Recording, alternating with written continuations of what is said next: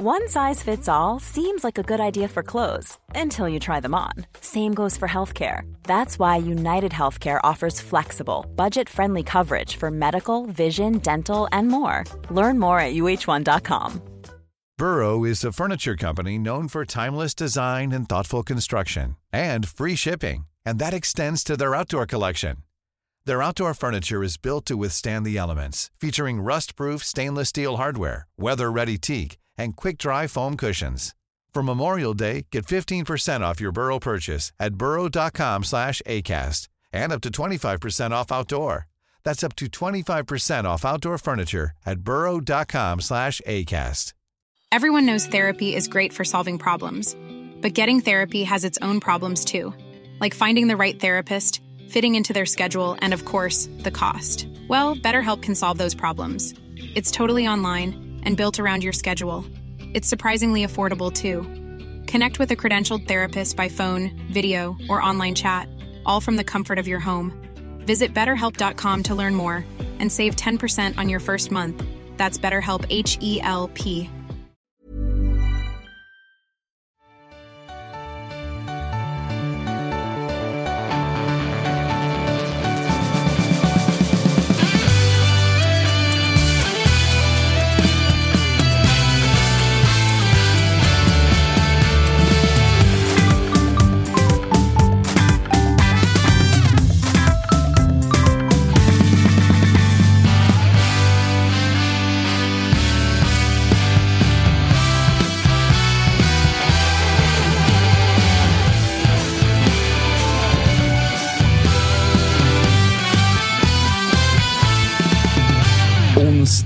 det. Tuttosvenskan är tillbaka och eh, mitt i ett landslagsuppehåll som skulle bli en förbundskaptens sista föreställning och där det sportsliga redan var avgjort innan avspark med tanke på Österrikes vinst mot Azerbajdzjan så är vi fortfarande präglade av den eh, fruktansvärda tragedi som hände nere i Bryssel där två svenska supportrar tragiskt miste livet i ett terrorattentat.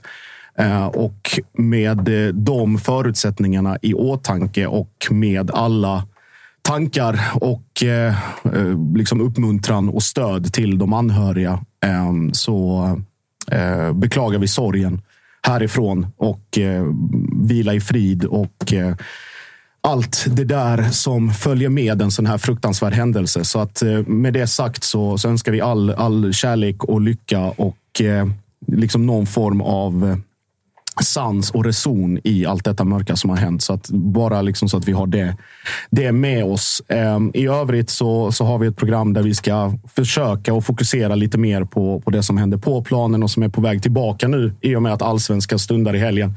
Ehm, vi har med oss senare i programmet Johan Lindvall, generalsekreterare för SEF, som ska prata lite om de säkerhetsmässiga åtgärderna som tas inför den här allsvenska omgången som det inte var helt klart om den skulle spelas. Nu kommer den göra det.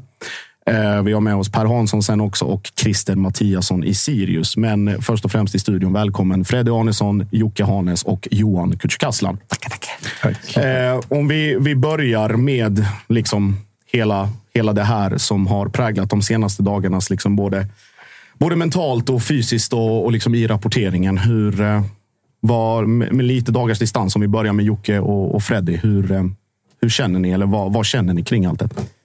Ja, men det är väl det, det är svårt att ha någon annan känsla än den som de flesta har. Att man blir bara, shit vad i helvete är det som händer? Känsla nummer två är ju såklart att, vad fan, jag har varit på landslagsmatcher och sprungit runt i svenska tröjor i utländska städer. Man känner ju bara, jaha. Det kommer några sms från morsan. Bara liksom, shit, vad det kunde varit du. Liksom. Eh, man blir, ju- man blir ju skraj och chockad och ledsen och förbannad och allting i en, i en jävla röra. Liksom. Eh, och, och så samtidigt så sitter man och tänker, jaha, nu ska vi till, till Värnamo på måndag och spela fotboll. Eller ska vi det? också så, som jag kände när, när man satte på kvällen. Är det här den enda grejen som kommer hända? Eller kommer det smälla utav bara helvete? Liksom? Kom, kom, kommer det komma tio saker? Så att det är också den där lilla liksom, ja, men rädslan att det ska vara mer. Som jag kan tänka mig att eh, Johan och inget som var på plats nere i Bryssel också hade. Liksom, att, vara- man, man kände sig lite mer utsatt i ert läge kan jag tänka mig. Uh, ja, men verkligen. Eller det är ju speciellt, för man är ju där på jobb. Så att, uh, jag fick ett sms från en kompis då, uh, strax innan avspark om att det hade varit en skjutning i Bryssel. Bara vänta, jag är ju i Bryssel. alltså det var så svårt att bara koppla det. Du vet, för att man fick lite av en chock och bara okej, okay, det här är troligtvis ett terrordåd. Eh, matchen drar igång. Jag släpper matchen helt och hållet, går ner i pressrummet, ringer min redaktion. Ehm, de har såklart uppgifterna också. Eh, går in i jobbläge. Vad behöver vi göra? Vi har nyhetssändning om 45 minuter. Jag måste vara med live där. Vilka kan vi få tag på? Eh, så jag fick aldrig någon så här oroskänsla i kroppen. Det var mer obehag, men samtidigt försöka bibehålla liksom professionaliteten. Samtidigt har jag en lilla syster som står nere på Idneplan och sänder också. Bara, hur ser säkerheten ut där? Eh, och som alltid när sådana här saker sker så blir det väldigt mycket rykten också. Eh, fick liksom sms om att så här, ja, de har hittat vapen eh, runt omkring i arenan eh, och eh, typ terrorister som är utklädda till belgiska supportrar jag försökte, man ska alltid bibehålla lugnet så gott det går här. Var kall, vet att det blir mycket spekulationer. Vi minns alla hur det var på Drottninggatan och liksom all information som kom där. Ehm, så att det var bara surrealistiskt alltihopa. Mm. Och det absolut sjukaste var ju att man står i pressrummet som ligger precis vid pressläktaren och det pågår en match där ute. Och bara, hur kan den här matchen fortfarande pågå? För att som du säger här, tänk om, tänk om det hade funnits folk på arenan, alltså terrorister då, ytterligare. Eh, hur kan den fortfarande pågå? Eh, mm. att de inte bröt den. hade det varit en större organisation mm. bakom detta som hade velat slå mot matchen så hade de helt klart kunnat göra det. Uh, absolut. Sen ja. så uh, är det ju väldigt mycket polis på en arena uh, redan. Så att, jag känner aldrig mig, alltså om jag utgår från mig själv, jag känner mig aldrig hotad så. Eh, och vi fick ju ändå så här rätt snabbt information att det här är den tryggaste platsen ni kan vara på just nu. Eh, sen så eh, tog halvleken slut. Eh, Svenska fotbollsförbundets eh, Martin Fredman, säkerhetsansvarig, kom upp. Var väldigt skakad såklart också av allt som hänt. Eh, vi gjorde en intervju med honom. Han förklarade läget. Kunde inte riktigt ge besked då om, om matchen skulle avbrytas eller inte. Eh, sen vet vi att den gjorde det. Eh, vilket var det enda rätta. Mm. Men den informationen där och då var att så här, vi kan inte släppa ut folk på stan just nu. Så det här är den tryggaste platsen för er. Mm. Uh, och sen fortsatte det så hela kvällen. Vi satt kvar i arenan till 01.30. Uh, gjorde lite intervju med Fredrik Reinfeldt, Jan Andersson hade en presskonferens, Victor Nilsson Lindelöf också. Och sen var det egentligen bara väntan på så här att de började släppa ut folk successivt, belgiska supportrar, uh, innan det var vår tur. Men det hamnade ju väldigt sent. Eh, det, ja, det var, en, eh, det var en tung kväll, men så här, bara en surrealistisk kväll. Mm. Vi kommer komma tillbaka just liksom till det här med eh, den här balansen då mellan, som man säger, att folk utifrån tror saker och man själv är mitt i det och vet egentligen lika lite som de andra. Men eh, om vi ställer frågan till, till Freddy. Hur, eh... Jag hoppar över Freddy bara. Nej, nej, men det var en naturlig övergång dit. Men om vi, om vi tar Freddy, hur, hur reagerade du eller vad tänkte du när du såg detta? Nej, men så här, första reaktionen blir ju såklart att så här, man, man börjar själv så här, ifrågasätta sitt så här, supporterintresse för fotboll. Man börjar direkt tänka tillbaka till eh, 2014. Jag var nere i Helsingborg där eh, Stefan Isaksson, eh, DIF-supporter, gick bort och man började tänka liksom, att, vad, vad är det som händer med vår fotboll? Nu har det inte hänt eh, så mycket liksom, kring det sen dess. Liksom. Men att, här, man börjar själv ifrågasätta sitt egna intresse för sporten. Och, så här, ska det vara så här? Vi var ute i Europa förra året. Djurgårdare var liksom runt i hela Europa. Och Till och med i Belgien. Jag var nere i Belgien, exakt. Eh, sen så börjar man ju också landa väldigt i liksom den här kraften som fotbollen har. Liksom den här enade kraften man ser på arenan. Vi ser belgarna liksom så här börja hjälpa svenskarna. Man har liksom låna belgiska kläder. Man ska kunna ta sig hem säkert och så där. Liksom. Så man får verkligen ta del av den här enade kraften i fotbollen. Det är då man också börjar få upp hoppet och tron kring sitt intresse för fotboll igen. Att det är en sån enorm kraft i det här och vi har sett det över hela Europa. Det har varit tysta minuter för det som skedde i Belgien, men också det som hänt nere i Israel och i Palestina där. Eh, så att det visar också vilken stor kraft. Liksom, att så här, ingen ska liksom få förstöra fotbollen för oss som älskar fotbollen. Och det är liksom det och det kommer vi säkert få se på de svenska arenorna nu till helgen också. Vi har ett stort derby. Att man kommer kunna se liksom att så här, de här supporterkrafterna kommer gå samman och visa att vi är starkare än det som händer där ute. Och sen mm. är det ju så jävla jävla hemskt att det är, liksom, det är två helt vanliga svenskar, liksom, 60 och 70 år, som ska gå på en landskamp och på sig svenska fotbollströjor och inte få uppleva den här matchen. Deras liksom,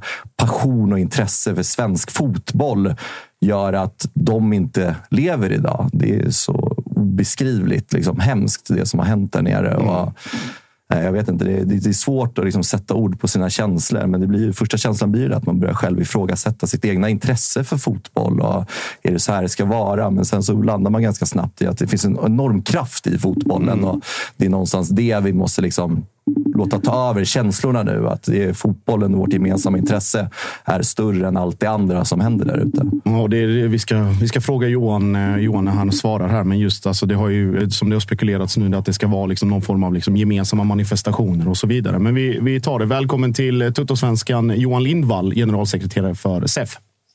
Tack så jättemycket. Hur, eh, hur står det till med tanke på vad som har hänt de senaste dagarna?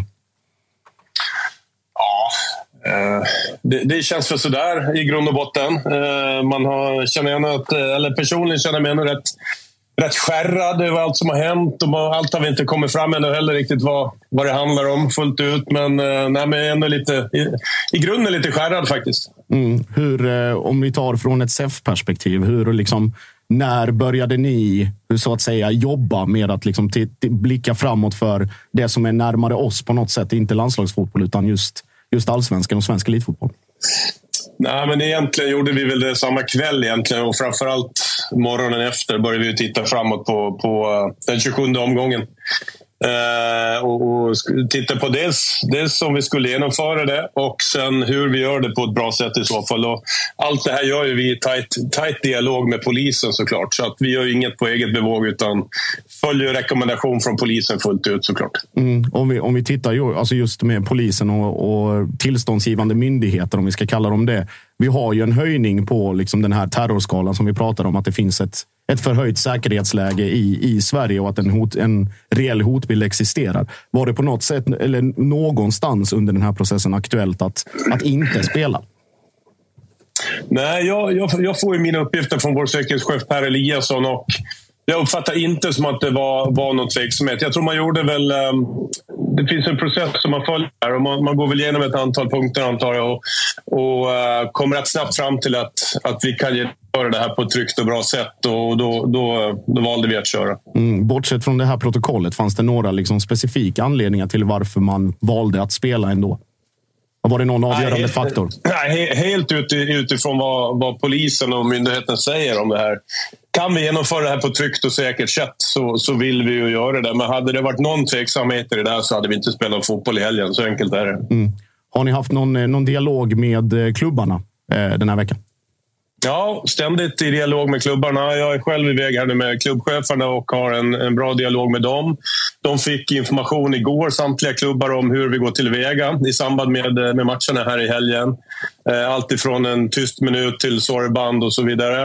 Eh, så att vi behandlar det här med största respekt och ödmjukhet och för, för de som är direkt drabbade av, av det här som har hänt. Då. Så att, eh, ja, jag tycker att vi hanterar det på ett, på ett bra sätt så här långt. Mm, eh, vi som ska gå på allsvensk fotboll i helgen, kommer, vi liksom, eh, kommer det bli några annorlunda processer när man går in på arenorna? Kommer det vara ökad säkerhet inne på arenorna? Hur kommer det se ut, vi som ska kolla på allsvensk fotboll i helgen?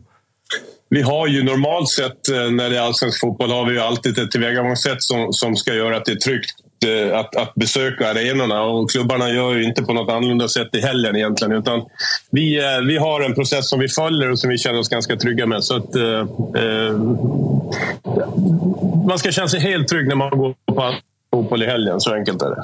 Eh, om vi, tittar, om vi tittar framåt, bortsett från det här och det är liksom de förstärkta säkerhetsprocesserna eller de bitarna i det avseendet. Um, hur... nu, nu tappar jag lite grann. Nej, förlåt, jag ställer om frågan. Uh, om, vi, om vi blickar mm. framåt, mm. bortsett från den här liksom kommande omgången och de här matcherna som betyder så väldigt mycket för så många lag här i slutet och att det är, liksom, det är mycket på spel rent sportsligt. Finns det några andra, mm. andra liksom proaktiva åtgärder ni kommer genomföra eller är det en dialogprocess som, som fortsätter?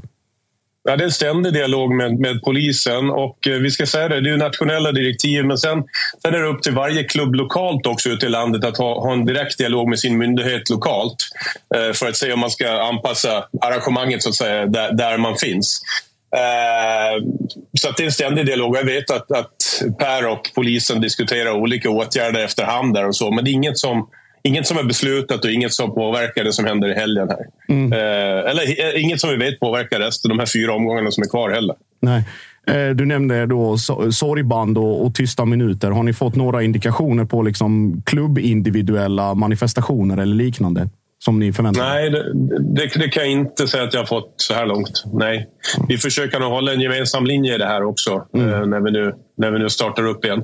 Mm. Du, du, pratar ganska mycket om alltså här, att, polisens, att ni följer polisens direktiv och sådär. Men kan du säga någonting om så här, innehållet i dem? Alltså för, för, det, för väldigt många sitter nu just nu nog hemma och sådär. Ja, alltså, vad är det för säkerhetsläge? Vad, vad, vad kan jag förvänta mig? Varför bestämmer vi så? Mm. Eller varför, kan du mm. sätta, liksom, måla ut det lite mer? Vad, ja, vad det är nej, för jag, jag förstår din fråga fullt ut. Eh, och det är så här, I helgen har vi till exempel ett derby och ett derby i sig är ju förenat med, med, eh, med, med, med ett större säkerhetspådrag, så, att säga. så är det ju normalt sett. Eh, vi har, jag kan säga, vi har diskuterat, jag tror att en del klubbar kommer anamma det i helgen också, att det blir väskförbud på arenan till exempel. Det är inget allmänt direktiv, men jag tror att en del klubbar kommer, kommer anamma det helt enkelt. Så att det är väl ett exempel på, på, på någonting ytterligare som, som kan hända på arenan. Mm. Eller när man ska in i arenan. Precis, så att eh, mm, även om man funderar på liksom två, tre gånger om man verkligen ska, ska ge sig ut på, på läktarna i de där arenorna så är väl den ganska tydlig uppmaningen att, att ändå göra det. Det är inget som är märkbart förändrat förutom lite extra kontroller så att säga. Nej, och, eh, så är det inte. Och, eh, det är väl som, som polisen säger också. Det är inte, det är inte mer otryggt att, att gå på fotboll än att, än att göra någonting annat i samhället så att säga. Så att, eh, välkomna till arenorna i helgen är väl budskapet från oss. Mm. Vi ska ta hand om, om alla på, på bästa sätt. Johan Lindvall, stort tack för, för din tid och eh, för att du var med. Och så får vi önska lycka till framåt också i fortsatt arbete. Tack så mycket. Vi hörs. Det gör vi. Tack så mycket. Hej. hej, hej. Eh, vi ska säga också att vi gör Tuttosvenskan i samarbete med ATG. Vi hade ju en för, eh, för många eh, väldigt glad och trevlig eh, lördag ute på Solvalla. Jag och Freddy åkte tandemsulky det rörliga materialet på det, Kalle, det är mm. på väg. Jajamän. Så att det kommer vara stor glädje för många. Eh, vissa kommer bara mest eh, önska att de, hade sett, att de inte hade sett det överhuvudtaget. Är det en fars? Det kan, kan vara åt det hållet. Men i alla fall, det var en fantastisk dag tillsammans med ATG. Vi hade en, en otrolig lördag och det blev stor seger för Adriatica, Thomas Wilbachers egna kuse där också. Så att vi hade, det var en toppen, toppen dag och eh, eftermiddag, kväll in på, på småtimmarna för vissa till och med. Så att vi, vi säger stort tack till, till ATG för att ni är med och gör Tuttosvenskan och den som vill gå in och kika inför då kommande Big Nine till exempel, eller de tuttotripplar som vi har ute så är det atg.se som gäller. Man ska vara 18 år för att spela och har man problem med spel så är det stödlinjen.se som gäller. Eh, Johan, vi går tillbaka till vi avslutade där med dig tidigare att just att vara i en sån situation och liksom jobba i en sån miljö där som du säger att det cirkulerar rykten, eh, att det är liksom obekräftade uppgifter och att folk, om vi säger i din roll som journalist, att redaktionen hemma förväntar sig att du ska ha koll eller om det finns som bekräftar. Hur är det att, att jobba i en sån miljö när såna här saker händer? Det här var ju första gången jag var med om något sånt här, eh, så det var ju väldigt speciellt. Vi var överens om att så här, spekulera inte i dina rapporter, gå på det, den faktan som finns eh, och fokusera mycket mer på alltså det sportsliga kring landslaget, hur landslaget agerar i det här läget, än att berätta om vad som händer ute på stan. För eh, SVT har ju en Brysselkorre redan, Ulrika Bergsten, som också var på plats då, ute på stan. Så jag släppte ju hela den delen och såg mer till att så här, få information om eh, vad som händer med landslaget nu. Eh, kommer vi få prata med någon? Eh, vad händer med de svenska fansen inne på arenan? Och allting sånt. Och eh, det, det, är ju det att man måste ju behålla sin yrkesroll här. Och även om man får väldigt mycket sms hemifrån, det är klart att folk blir oroliga. Men känslan var ju så här att de är nästan mer oroliga hemifrån än vad jag är själv. Eh, för Inte att, hunnit sätta dig in nej, i allting? Liksom. verkligen. Och, um, det är kanske är konstigt att säga det, men man kände sig aldrig så hotad på arenan.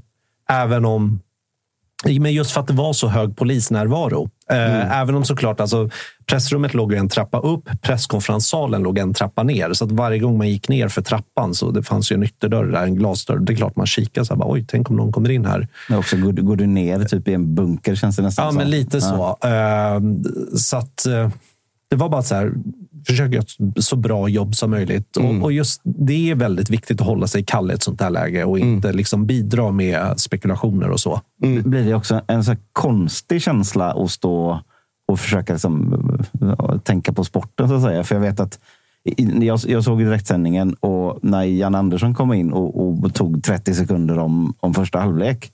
Då kändes ju det sinnessjukt. Ja, jag, och, jag, såg han... att, jag, såg, jag, såg att, han fick skit för det också. Ja. Och jag förstår att han Eh, för det, han är förbundskapten och inte säkerhetsexpert. Så Nej, men, men sen, en, ändå så kändes de 30 sekunderna bara, shit vad fan händer nu? Nej, men det är klart det var Han, ja. fick, eh, han fick mycket skit för det och eh, Olof Lund sa det i ett annat program igår mm. att jag tycker folk ska vara väldigt försiktiga med att uttala Exakt. sig. Ni vet själva så att jag kan vara kritisk mot Janne när det kommer till det sportsliga och så här. Men i det läget, när man är chockad man kan, inte, man kan inte döma en människa, eh, vad, vad en människa sitter och säger på en presskonferens med de blickarna efter det de har upplevt och liksom stämningen i omklädningsrummet.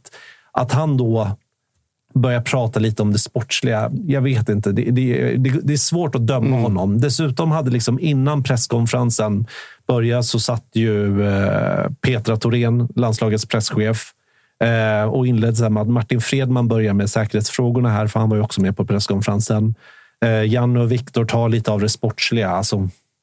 Det blev så här, ja, nej, eh, man kan inte döma Janne för nej. det. För att jag, jag tycker så här, det, det, är så lätt att folk sitter på internet och, och, och dömer folk baserat på ett så här 30 sekunders klipp. Och man, dessutom ja. i affekt. Exakt, alltså att man precis. är djupt påverkad ja. av det man har läst. Och det är liksom så, som man säger, att man sitter hemma med luren eller kollar på tvn och så har man 400 eh, gånger mer info, precis. tycker man, än Exakt. den som är där och så vidare. Men om vi, om vi pratar liksom just eh, så här, Eh, Janne och Viktor och övriga liksom från förbundshåll.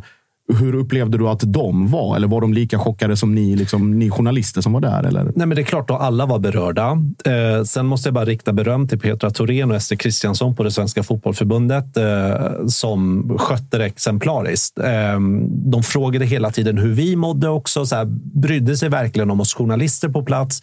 Hjälpte oss med så här, hur ska vi ta oss från arenan med transport och allting sånt. Så att, hur tog ni från arenan? Eh, till slut så uh, satte sig uh, alla liksom från media i en buss. Uh, jag kan komma dit sen, för det var ju också mm. väldigt speciellt. Men om jag bara fortsätter Sorry. så... Nej, det är lugnt.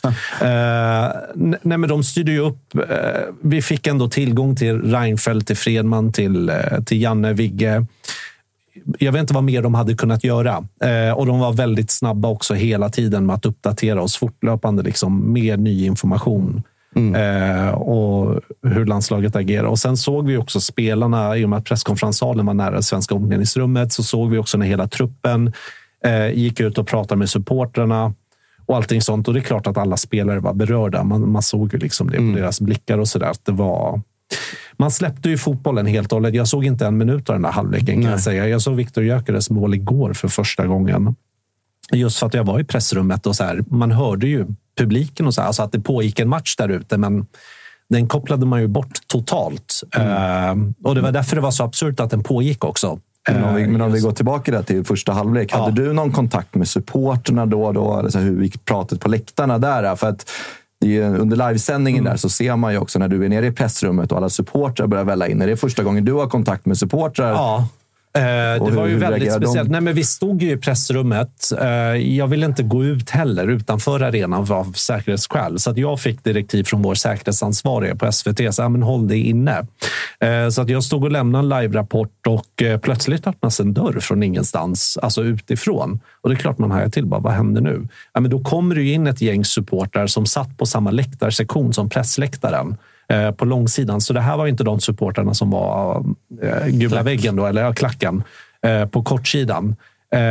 Och jag vet inte, jag fick ändå känslan att de var, det var ändå så här, det var ingen som drabbades av panik, vilket var väldigt skönt. Det var, utan folk det är så svårt att veta hur man ska reagera i sådana här situationer. Men det fanns ändå ett lugn överallt. Det var verkligen inte så panikartad stämning, utan de kom in. Det var ett gäng, 50-tal. Eh, några hade druckit en del öl och så där, men folk betedde sig ändå värdigt. Mm. Om, vi, om vi tar stämningen på arenan i övrigt. Liksom, nu, alltså, första 45, det är vad det är. Och sen så kommer ju då mer och mer rapporter och mer och mer information. och så där. Hur, hur upplevde du det där ute? Eller liksom, hur, Jag- hur jag- agerade folk runt omkring? jag är förvånad över hur lugn och sansad stämning det var på arenan. Alltså efter paus då, när man bara satt där i två timmar. Det var mobillampor som tändes, liksom försöker skapa stämning och så där. Det var väldigt bra hanterat från alla. Eh, Just att det här lugnet infann sig. Jag uppfattade inte alls det som någon panik som rådde, utan ingen som buade över att de inte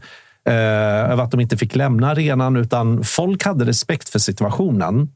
Vilket var väldigt skönt att det inte utbröt något kaos på läktaren eller så, utan det var faktiskt förvånansvärt lugnt. Eh, och det genomsyrade hela kvällen för oss som var på arenan. Alltså i pressrummet, pre- att folk höll sig sansade.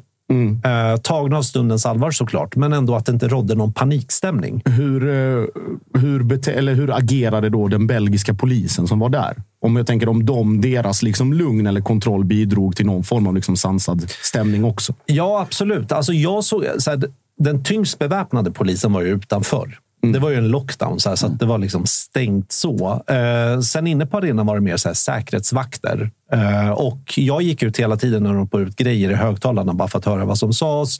Frågade lite belgiska kollegor, så här, men vad sa de? Har ni fått någon ny information och så?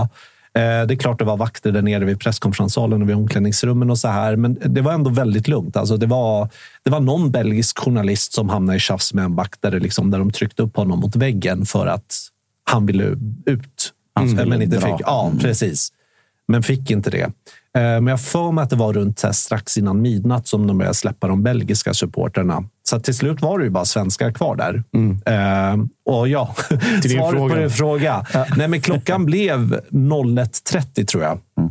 Eh, eller så här, strax innan ett sa de till oss, ni får lämna om ni vill, fast på egen risk. Eh, och då började jag kolla så här, Uber-appen eller Bolt eh, och insåg att vi kommer inte få en taxi. Eh, sen så, ja, men då kom Peter och Ester från förbundet. De pratade med säkerhetsansvariga där på arenan och då började de lösa bussar till supportrar, till journalister. Och de väntade egentligen bara på poliser, att vi skulle få poliseskort. Eh, så att vi satte oss i en buss, eh, mediakåren. Alla hade skrivit upp hotellen de bodde på och hade så här tungt beväpnad polis både framför och bakom bussen. Eh, kom till hotellet och det var det sjukaste. Man kliver ut och det är så här. Då är det liksom i hotellentrén. Pikébussar, tungt beväpnad polis, vilket var helt stört. Alltså Det är nästan att första gången du ser ja, det nej, på men Det var så liksom. jävla sjukt. Och vårt hotell, eh, vi bodde bredvid... Viaplay var där med så här 30 personer med att de, det var mycket teknisk Mm. personal och så. Eh, vårt hotell låg bredvid deras, så att vi var tvungna att promenera typ så här 100 meter till vår entré. Men då hade vi ju fyra så tungt beväpnade poliser med oss med ja, ja, men tunga vapen och en polisbuss som bara rullade. Och liksom, de släppte inte siktet förrän vi var inne på hotellet. Mm.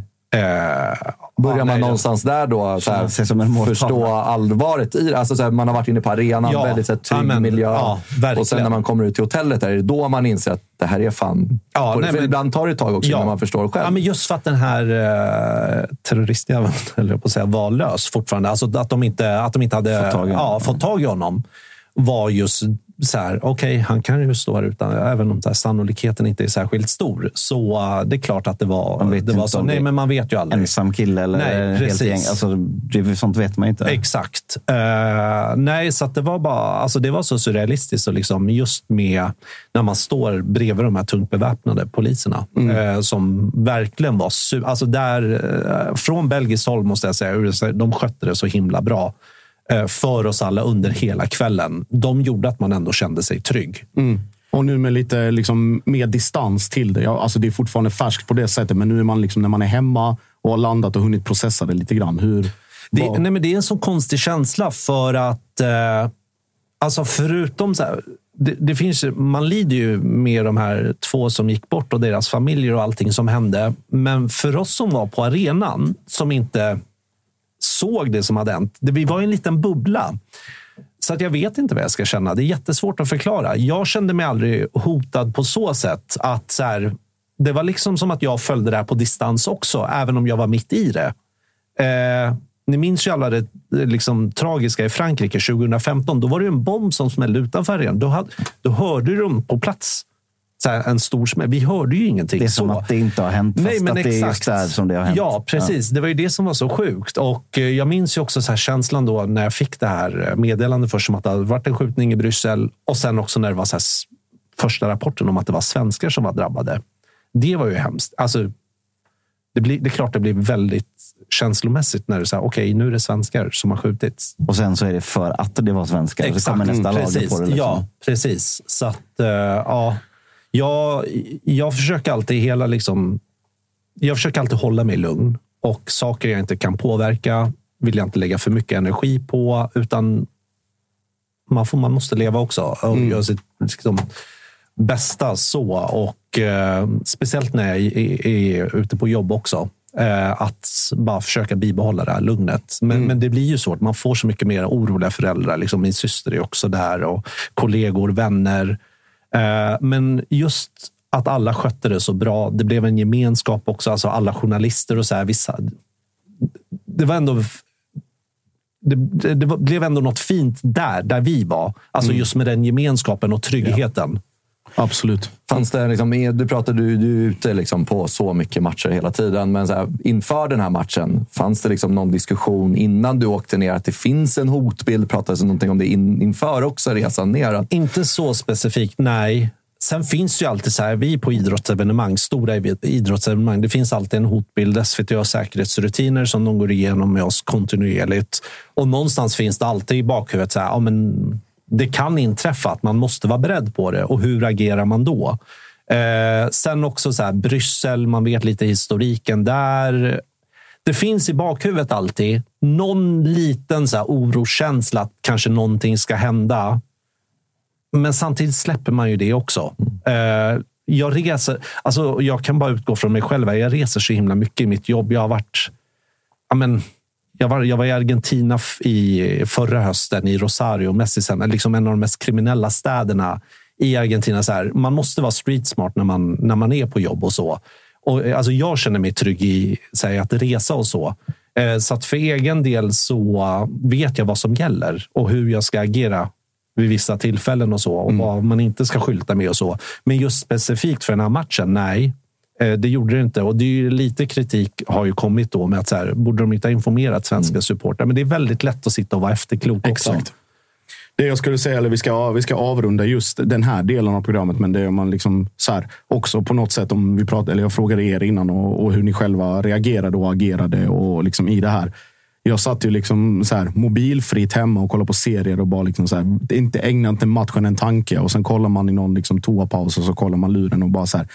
Fuck, ja, men liksom. så här, vad i helvete är det som händer? Och sen den andra instinktiva reaktionen är bara liksom att ta telefonen och bara lägga den i andra änden av rummet. För att man vet både liksom hur människor agerar i affekt, vad det är för forum man rör sig kring, alltså framförallt då Twitter eller X. Vad det är för liksom det, eh, vad det skrivs och hur det formuleras, hur stämningen där är i största allmänhet. Nyhetssajterna som liksom så här kontinuerligt uppdaterar. Och att det blir en sån overflow av information så att man nästan för sin egen skull mår bättre av att ta det i ett tillfälle när man är mer, mer mottaglig eller när det har gått en viss tid, att man Ja, jag faktiskt kan- vet vad som händer. Jag kan relatera till den känslan. Så att- verkligen. så att- Allt blir- bli gånger 200 000 på något sätt. Precis, och att det är liksom så här, utifrån allting som har hänt och att vi liksom nå- någonstans ska försöka och, och runda av, som jag var inne på, den här delen är ju att det syftet med sådana här attacker eller dåd eller vad man nu vill kalla det är ju att vi ska gå runt och vara oroliga, att vi ska vara rädda och att det ska liksom spridas skräck och hat och, och liksom ännu mer olikheter i samhället än vad vi redan lever med varje dag. Så att på något sätt, liksom så här, ja, det, det är fruktansvärt och man beklagar självklart allting det som har hänt. Men samtidigt så måste man också, så här, man får inte låta det slå ner. Liksom, så här, man får inte låta det påverka för mycket i ens vardag. Man måste på någonstans, även om det är svårt eller att det blir liksom klyschigt eller ytligt, att blicka framåt och våga leva. För att det, är liksom, det här är inte bara en attack på på svenskar eller på, på svenska supportrar eller att vi är någon, liksom, någon målbild för politiska frågor eller allt möjligt annat. Utan det här är ju liksom en attack på de, de, de demokratiska grundläggande värderingarna och liksom allt det som vi som samhälle står för. Så att det bästa botemedlet eller det bästa liksom, ska säga, motgiftet är ju då att, att leva på som, som vanligt och att inte låta sig tryckas ner eller vara rädd, utan att man man är, man är lite mer alert, man är lite mer på, på tårna och lite mer vaksam, men ändå att man, man fortsätter som man gör. För att D där, det går liksom inte att låsa in sig och, och vara rädd och gömma sig någonstans. Där, därför tycker jag verkligen, alltså jag hoppas verkligen att jag har rätt. När jag ändå sitter och tycker att Johan Lindvall och SEF och, och polisen har tagit rätt beslut om att spela ja. den allsvenska omgången. Alltså fortsätta spela allsvenska. Jag, jag, jag, jag, känner, alla, jag, jag någon gång måste man ju spela fotboll. Ja, man kan ja. inte ställa in en... Om nej, nej. de har sina säkerhetsrutiner, så här, Ah, absolut, de skulle kunna skjuta upp den här omgången, men vi måste, vi måste kunna gå på fotbollsmatcher. Ja, mm. Det kommer spelas fotboll förr eller senare. Jag, menar, jag hoppas verkligen ja. att, att, att, min känsla och deras känsla är den rätta känslan. Det, mm. är bara så, så någonstans. Liksom, för ja. det, det, är så, det är så det måste vara bara. Historiskt sett också mycket, mycket sjuka saker och fruktansvärda dåd har skett i politiska syften eller i religiösa syften eller vad man nu vill kalla det. Det, det, det kommer man aldrig komma ifrån på något sätt. Men att, att liksom inte låta sig jag ska inte säga hunsas, men att låta sig bli för påverkad och en, ens vardag på det sättet. Det tror jag är väldigt, väldigt viktigt i, i det här sättet. Och det är liksom när det är om det är en person eller tio personer eller so folk som gör saker i olika syftens liksom, namn eller intention eller vad det nu är, men om man tolkar saker på hundra olika sätt. Det, det är också liksom, man, ska vara, man ska vara väldigt försiktig med hur man hur man re agerar, reagerar och hur man beter sig. Så att det är väl någon form av lärdom för oss alla att, att inte hugga på allting rent eh, eller all, alla saker eller bara kräka ur sig saker hur som helst, när som helst, i vilka, vilka sammanhang som helst. Så att, eh, med det sagt, stort tack Johan för, för att du var med idag. Jag vet att du har, du har bråttom vidare. Tack själva. Eh, och, eh, Kastar du ut honom? Va? Nej, nej det, absolut. Han nej, är nej, absolut jag... inte. Han är mer än välkommen. Ja, men tack så mycket. Tack själv ja. Johan. Eh, och, eh, vi, vi ska väl försöka prata lite fotboll också. Eh, och lite mer, eh, mer konkreta saker som, som händer i, i vår vardag, i vår närhet. Vi ska ringa Per Hansson eh, ska vi faktiskt göra nu direkt eh, och prata lite, lite målvakter som han eh, vurmar för så mycket i Discovery Studio. Men innan vi gör det så har Jocke någonting att säga. Smidig övergång. Vi ska säga. Inte här, men jag tar den här. Nej, vi, vi kör på Jocke. Vi ska fixa tekniken. Ja, vi, eh, vi ska bara säga stort tack till eh, TV4 Play som hjälper oss att göra Tuttosvenskan. Ni ser såklart alla matcher från Allsvenskan och Superettan från Discovery Plus med era TV4 Play-konton. Ni ser såklart också världens bästa fotboll från Serie A, La Liga och Champions. Men eh, när Allsvenskan inte är igång, då, då har vi väl några, några andra som vi kan känna att vi kan pusha för. Jag, jag har ju pushat för eh, filmer och serier och framförallt för Förrädarna. Ja, det vet jag. Det ja, jag, du. Jag hade ju tänkt fråga Johan om, om han hade liksom fått frågan att vara med i sådana här grejer. Men han är ju SVT. Så, så det... På spåret vet jag att han ska vara med i. Mm. Ah, just det. Just det. Mm. Är det med, får bli syrran som är förrädarna istället. Då? Ja, det är både Johan och syrran som ska köra På spåret. Så. Ja. Eh, så, så, alltså, men men jag, tyck, jag tycker verkligen att så här, det, någon gång ibland, eh, något år här och där, så träffar de rätt i en sån där reality-grej där man verkligen kan se folks ångest rinna rakt ut genom tv-rutan. Och det gillar ju jag då. Där mår du som bäst. Framför allt när det är lite sån här B-kändisgänget som, som man kanske stör sig lite på ibland. Sådär. I allmänhet när man får se dem svettas. Alltså, det gillar jag. Så att eh, om ni inte redan har gjort det så signa upp er för ett TV4 Play-konto. Så ni kan se allsvenskan framförallt, men även de här grejerna. Bröderna Robinson och lite annat. Så vi säger stort tack till TV4 Play. Vi ska ringa ner till, eh, till Skåne och se vad Per Hansson har att säga. Det är, ändå, det är som eh, eh Lindvall var inne på. Det är derby som stundar. Det är ett par väldigt, väldigt eh, viktiga matcher för många lag kvar. Så vi ska väl se vad, vad Per har för funderingar och tankar inför det som komma skall. Per Hansson, välkommen till Tuttosvenskan. Debut! Ja, det är det va? Ja. ja men tack så mycket. Eh, du sitter i... Vi är vana vid att när vi ringer spelare så är det gamingstolar för 5-6 tusen. Det här var något mer modest. Detta är nog en Biltema-stol gissar jag. Eh, så kanske 499 eller någonting. vi, vi ska säga att vi har snackat med, med SEF, Johan Lindvall, generalsekreterare, och kommit fram till att de ändå på väldigt goda grunder har valt att eh, köra helgens allsvenska omgång och, och låta det rulla på. Så att säga. Så vi har avhandlat det och kommit fram till att eh, bra, good call, så att säga. Mm, ja, det är bra. Det är bra. Yes. Eh, vi, vi går in rakt på det, på det sportsliga, Per. Det har ju varit diskussioner kring, eller i den här studion framförallt, hos vissa av våra Stockholmsrepresentanter. Framförallt att allsvenskan är så otroligt tråkig och det är så många lag som tappar poäng. Ja, kolla, kolla, jag ser reaktionerna direkt. Eh, och att det blir liksom så här att även om Elfsborg och Malmö och Häcken ligger där uppe och det är ganska långt ner till fyran, men att det fortfarande inte är det här liksom att ingen av dem på något sätt har visat att de är ett jämnt och konsekvent topplag. Eh, kan, väl, kan vi börja med den, mm. den taken där? Nej, men det ligger ju någonting i det. Alltså, om man ska vara ärlig så är det väl ingen av de här tre lagen som när de har fått chansen att dra ifrån har gjort det. Uh, så det, den, den poängen köper jag ju. Men uh, samtidigt för oss som jobbar med allsvenskan och som är helt neutrala i detta så är det ju helt, helt underbart uh, att ha tre lag, eller i alla fall två får väl säga, som i allra högsta grad slåss om, om det där guldet. Sen har ju Häcken haft sina chanser. Eh, de har kunnat äta sig ikapp eh, mellan de här matcherna som de har spelat i Europa, men inte lyckats. Så att eh, för mig står det mellan Elfsborg och Malmö. Det handlar väl någonstans nu vem som har varit minst dålig och förhoppningsvis kan hitta formen de sista omgångarna. Ja, om vi, om vi stannar kvar vid guldstriden. Vi ska gå in och prata lite andra ämnen också. Men vi, av de här två, om vi säger Elfsborg och Malmö och givet att de har sina spelscheman som de har kvar. Vem, vem ser du som favoriter och varför? Ja, men jag har sagt det några gånger att jag står kvar i det jag sa inför säsongen. Då sa jag Malmö FF och jag tror fortfarande på det. Sen är det såklart så här att det kan gå precis hur som helst där uppe. Som jag sa tidigare så tror jag att Häcken är för långt ifrån. Eh, Elfsborg har inte varit speciellt bra, men de har vunnit sina matcher på slutet. Malmö har inte heller varit bra. Nu förlorade de dessutom i Kalmar och fick inte riktigt att fungera. Och nu är det lite, jag har inte hört det senaste nytt, men Oliver Berg har gått av och ska väl inte vara med till helgen i alla fall. Så får vi se hur länge han blir borta. Så att, eh, jag säger fortfarande Malmö. Jag sa det inför säsongen och jag får stå fast vid det. Det, in, det innebär då i stort sett att du tror på en eh, avgörande sista match på, på Eleda stadion? Ja, det gör jag verkligen. Och jag hoppas verkligen att vi får det. Jag, var det inte 2009 som vi hade någon sån match senast? Jag kommer inte ihåg riktigt vad som hände då. Nej, jag är göteborgare va? Jocke med det selektiva minnet här också. Nej, så det hoppas vi verkligen. Jag tror att det blir en match. Jag tror, eh, enligt mitt tips, så kommer nog Elfsborg leda inför den omgången. Så det innebär att Malmö behöver vinna på hemmaplan. Men att de lyckas göra det.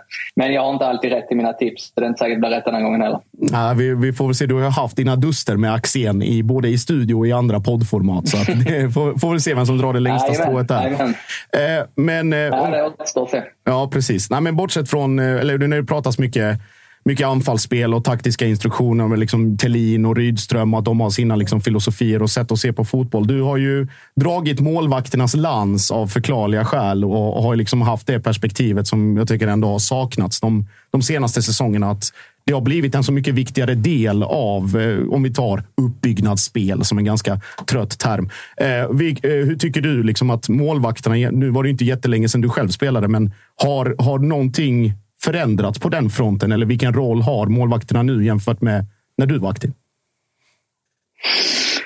Jag brukar säga att jag hade väl lite tur som kom fram när jag kom fram. Alltså just det här spelet med fötterna, hade jag kommit tio år tidigare så hade det inte varit så intressant att titta på. Men nu kom jag när man börjar prata om målvakter som den eh, sista libron eh, i defensiven men också i offensiven och kunna börja bygga anfall och sådär. Och det har ju bara blivit ännu större. Det är ju få målvakter, om ens några idag, som inte, av toppklassmålvakterna som inte är bra med fötterna.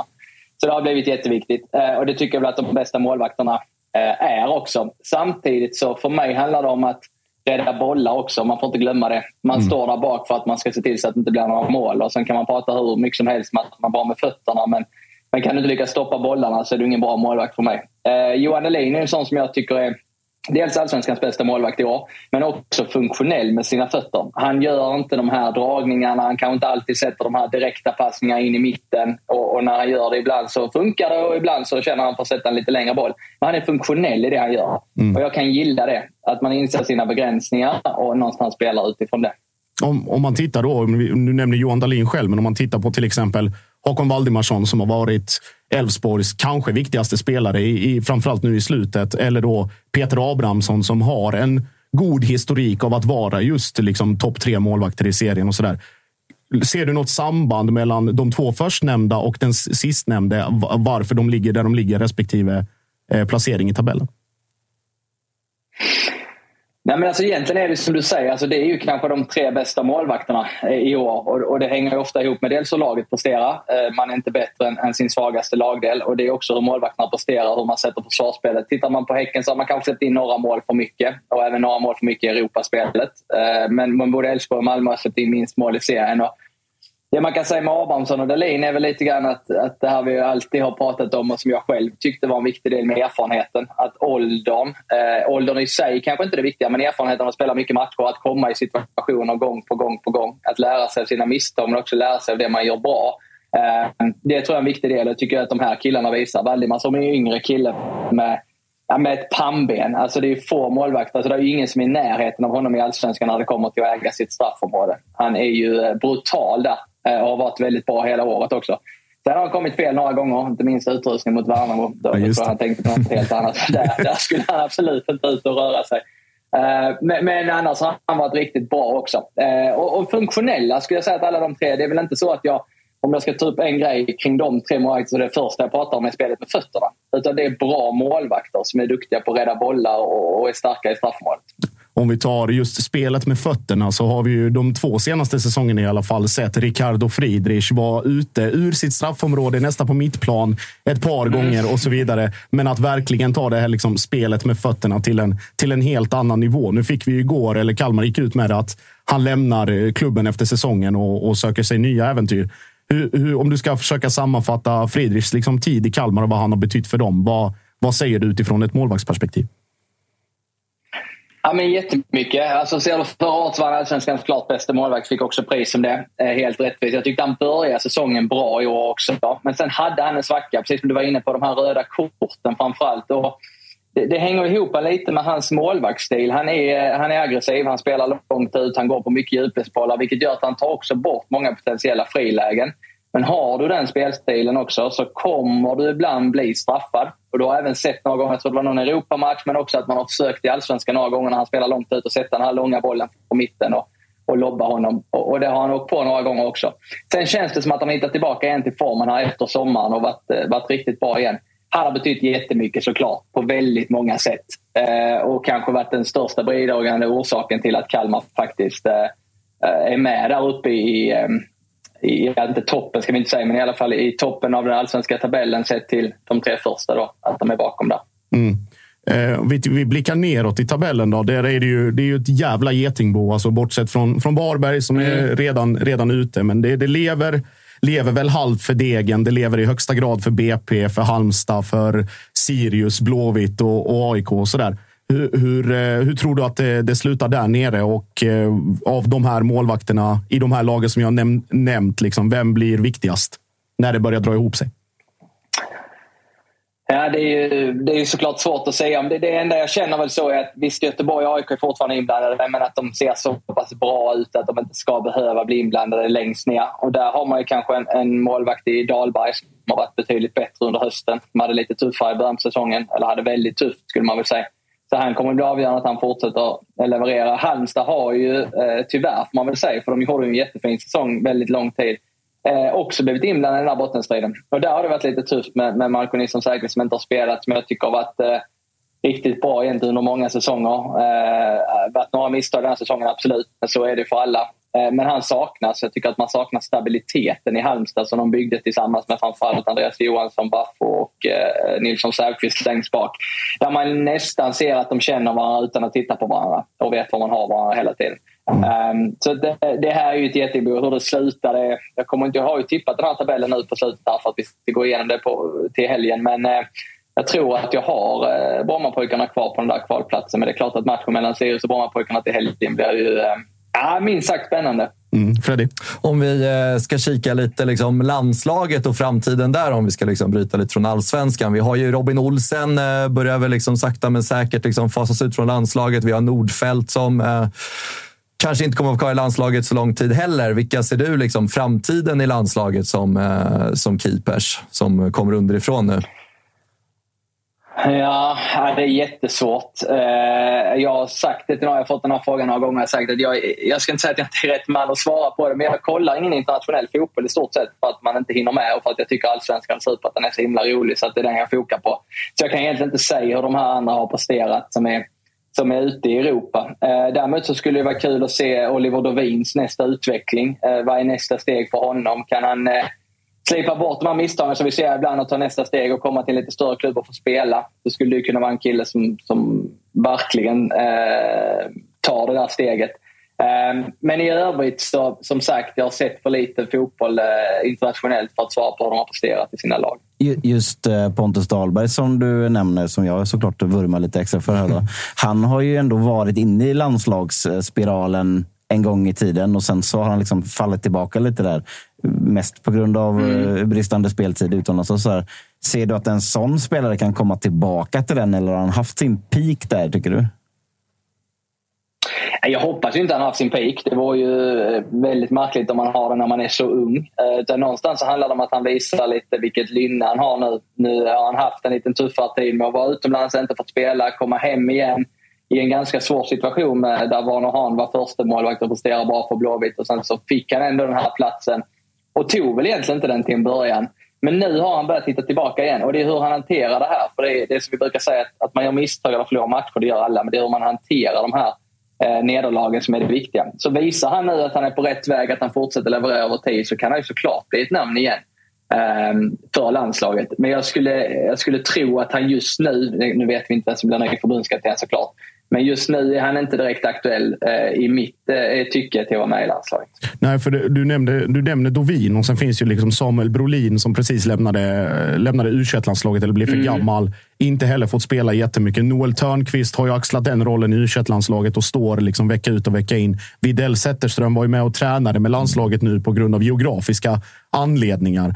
Eh, liksom vi har vad är det, Victor Johansson uppe i, i Rotherham och sen så är det Leopold Wahlstedt som nu liksom har fått förtroendet i Blackburn. Men alla de här namnen vi ropar upp, det känns ju inte som att någon är riktigt given. Även för att det är så pass jämnt mellan. Och, och de som är de, så att säga, i toppen av allsvenskan, de, de är lite för gamla på något sätt Exakt. för att vara the next coming man. Liksom. Mm. Ja, det är väl egentligen Lovin där som skulle kunna vara det. Eh, och det ska man titta på framförallt Robin Olsen så var han inte purung när han blev första heller. Så erfarenheten är ju faktiskt viktig där. Eh, nej, men jag håller med dig, men jag tyckte väl, om jag inte minns fel, när Robin Olsen blev första målet så var jag inte heller speciellt säker på att vem ska ta över efter Isaksson? Och sen går han in och gör en sån här landslagskarriär som han har gjort trots att han inte har spelat i klubblagen. Så det handlar väl någonstans om man träffar rätt där och eh, hur stark man är mentalt att klara av att leverera ett landslag fast du inte får spela i i ditt klubblag. Du nämner några med Wahlstedt och de här var lite de jag var inne på att jag inte har tillräckligt bra koll på utan det är väl mest de allsvenska målvakterna. Widell Zetterström tycker jag är en, han har det mesta. Skulle kunna bli lite bättre med fötterna, absolut. Eh, samtidigt är han i en ålder där, mm, där är ni inne på någonting. Eh, börjar komma upp i den åldern när det kanske är lite för, du börjar bli lite för gammal för att, eh, att det inte ska ha hänt redan nu. Så att, eh.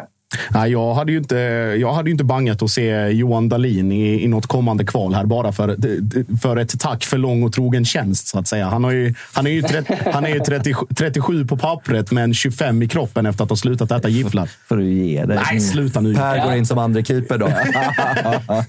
Ska vi ringa Ravelli också kanske?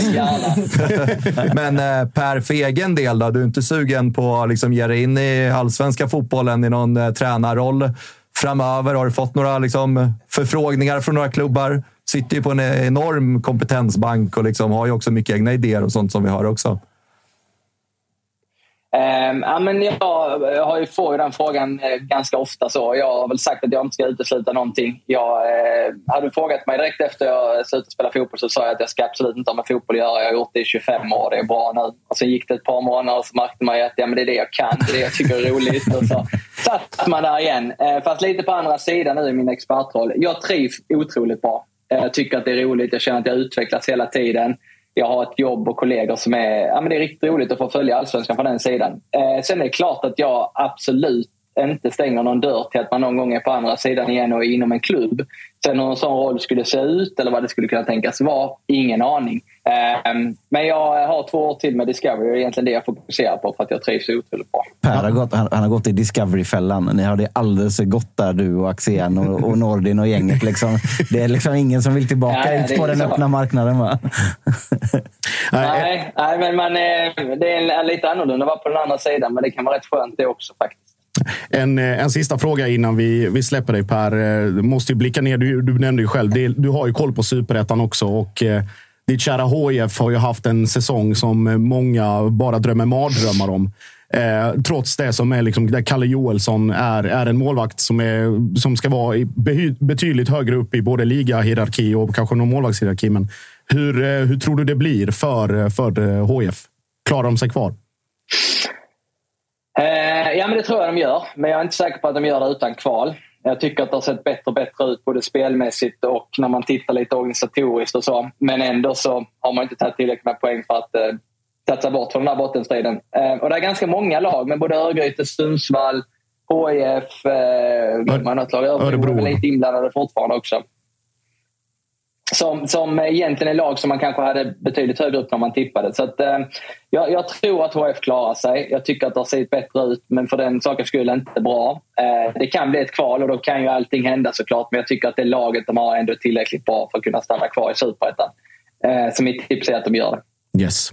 Men då, med, dem, med det sagt, vi skulle kunna prata HIF i fyra, fem timmar i något specialavsnitt. Men det får ju väl bli i någon superettan-podd. För här, här får de mer, mer utrymme än vad de kanske förtjänar sportsligt i alla fall. Per Hansson, stort tack för, eh, för att du var med och så får vi önska lycka till här i slutet av guldstriden och på, hoppas på Nej, nu hoppas inte jag på det, men jag hoppas det är avgjort innan, eh, innan omgång 30 i alla fall. För min egen välbefinnings skull.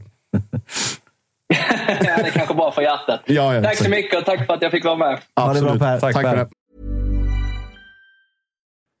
Vi är väldigt stolta att presentera det här samarbetet, August. Det är ju tillsammans med Mindler och det är ju Sveriges största digitala psykologmottagning. Det är inga väntetider. Du träffar en psykolog vart du vill med din telefon. Ett besök kostar bara 100 kronor och frikort gäller då Mindler är en del av primärvården. Och varför är det så viktigt att prata just kring Mindler, Agge? Ja, men jag upplever, och många, många med mig också, att det finns ju det finns någonting eh, jobbigt att prata om de här sakerna och Mindler vill ju bryta stigmat som finns när det kommer till att prata om mental hälsa. Eh, inte minst bland män upplever jag det som att det kan, eh, ja, men det kan finnas en tröskel att, att faktiskt öppna upp vad man känner och hur man mår.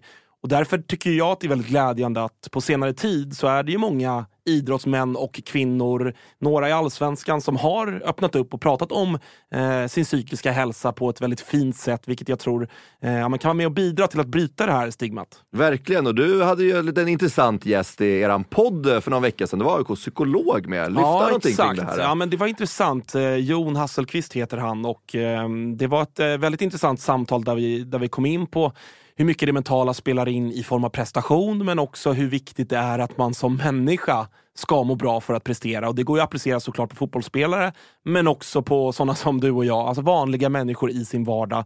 Att det är, eh, det är viktigt att lyfta upp det här till ytan och att eh, hantera det. Verkligen, och känner ni att ni vill ha någon att prata med så finns ju Mindler där för er. Och det som är så himla bra är att du väljer själv vilken psykolog du vill prata med och du kan byta om du känner att ni inte riktigt klickar. Och Mindler finns ju för alla som är plus 18 år. Så gå in på mindler.se och läs lite mer och boka din tid hos en psykolog redan nu om ni känner att ni behöver liksom hjälp kring det här ämnet. Stort tack till Mindler.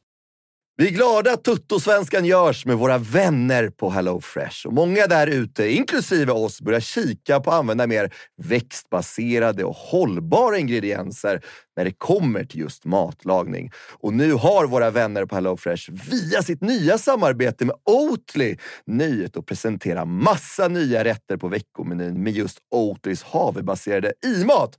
Och varför i-mat, Dage? Ja, men det är väl kanske en fråga man ställer sig. Men det är ju så att det är en ingrediens med 61 procent mindre eh, CO2-utsläpp och 83 procent mindre mättat fett än traditionell grädde. Så det är ett väldigt bra substitut. Ja, men och denna vecka så har vi kollat på HelloFresh hemsida och eh, botaniserat lite kring recepten som innehåller just i-mat. Och min tydliga, tydliga favorit är den soltorkad tomat rigatonin som ju har då lite soltorkade tomater, det är körsbärstomater, det är rucola, zucchini, riven ost Ja, men ni hör, en väldig massa smaskiga grejer som blir en krämig pasta. Just att använda rigatonin, Freddy, som jag vet att du gillar också, som just suger upp all den här såsen.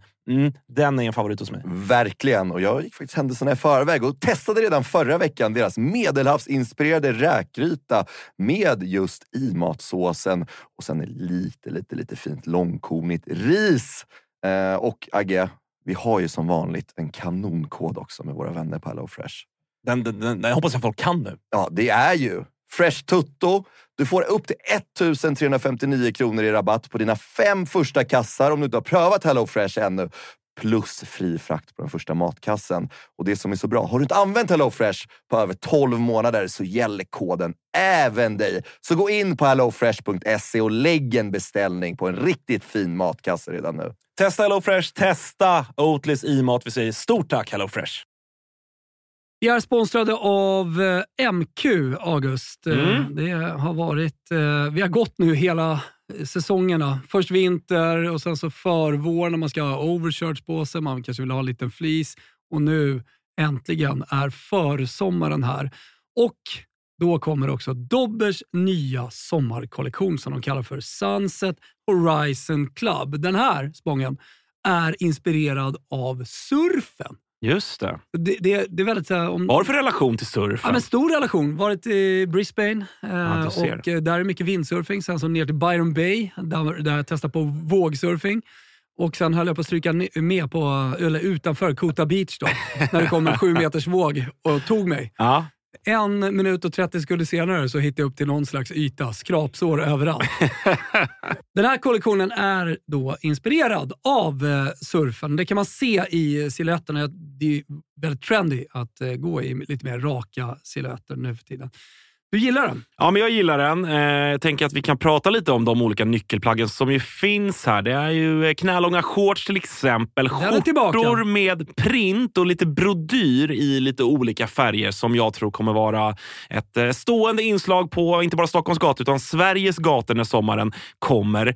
Vi har också en hel del overshirts till de eh, lite ljumna sommarkvällarna. Sen så gillar jag en trend som har kommit som också hittar in i Dobbers eh, sommarkollektion här som är sets med både shorts och overshirt. Exakt. Kortärmad overshirt som man Mm. kan gå, gå runt i. Jag, jag gillar det.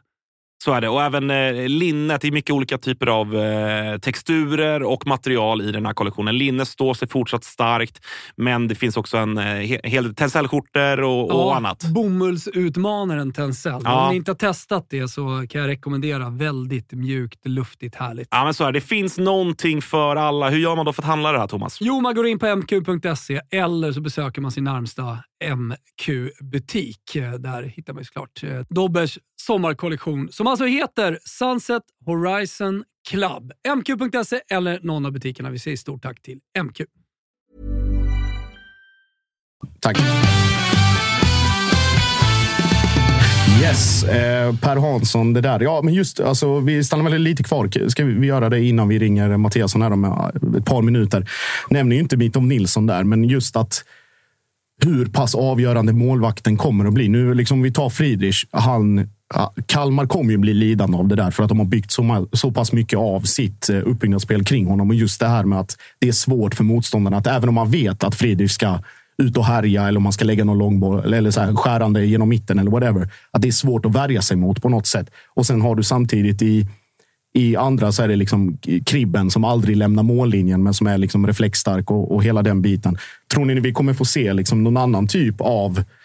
Alltså, kommer det bli fler Friedrich-typer av målvakter i allsvenskan? Eller är vi trygga med det vi har med de här liksom straffområdeslinjemålvakterna? Alltså jag gillar ju verkligen, alltså Friedrich går ju lite in i så här Jakob Widell Zetterströms spelstil också. Så här, vill verkligen sätta igång spelet snabbt. Och så här, vi ser ju varje år att Widell Zetterström är bakom så här, två, tre mål framåt. Visst, det är många bollar som också försvinner ut i tomma intet, men att man också tar chansen att liksom få vara den som verkligen startar ett anfall och ibland till och med får en assist i ett, i ett mål. Och Det är verkligen det jag gillar med Jakob Widell Zetterströms spelstil. Att han är så pass liksom mån om att liksom sätta, igång, sätta igång spelet snabbt. Det ska gå fort.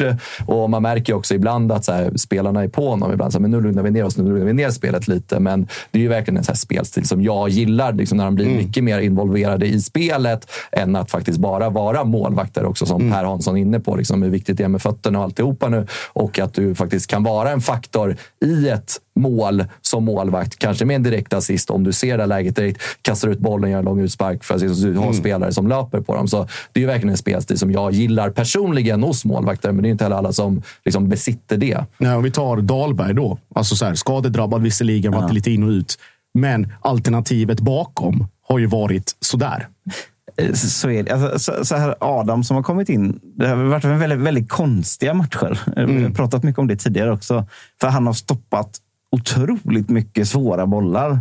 Men så har det varit de här helt knastillställningarna som, som har varit ibland. Ja, men mot Djurgården borta till exempel. Han skickar upp en hörna rakt upp i luften. Han ska bara gå, gå och plocka Ja, men så, och så, sånt som har ledat, lett till mål. Liksom. Han, han drar... Ja, det är väl Dahlberg som drar den ryggen på, på Gustav Svensson faktiskt. Ja. När jag tänker på det. Ja, jag borta. Ja. ja. Nej, men, och detta landar lite i, i eh, vad jag tycker om alltså, målvaktsutvecklingen med, med fötterna. Framför allt så, så det, det som man kanske märkte framför allt i början av säsongen då, skillnaden mot förra året när vi hade Vanahan, det var ju också den här tryggheten som, som backlinjen hade. Att de vet att vi har alltid ett bra sista alternativ att rulla bak på om vi kommer under press det, det, det gjorde ju dem mycket lugnare med bollen också. För de vet att jag behöver inte skicka upp den på läktaren eller, eller dra en, en långboll om jag blir pressad och det inte finns ett, ett bra uppspelsalternativ. Utan då kan man lägga tillbaka den till någon som har koll på läget. Där tror jag kanske att Kalmar kommer tappa väldigt mycket när de tappar Friedrich. För det går inte att ersätta riktigt. Nej, exakt. Så jag menar, Pontus Dahlberg är ju inte en, en målvakt som är dålig på fötterna.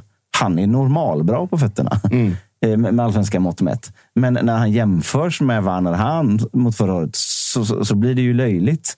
Och, och, eh, Det kan ju nog bli en sån situation för, för, eh, för Kalmar också, tror jag. Mm. Sen så tror jag verkligen att vi kommer få se fler och fler målvakter av det här slaget. För det är bara att titta hur det ser ut i världstoppen hur ser mm. det ut i, i Manchester City och, och Barcelona?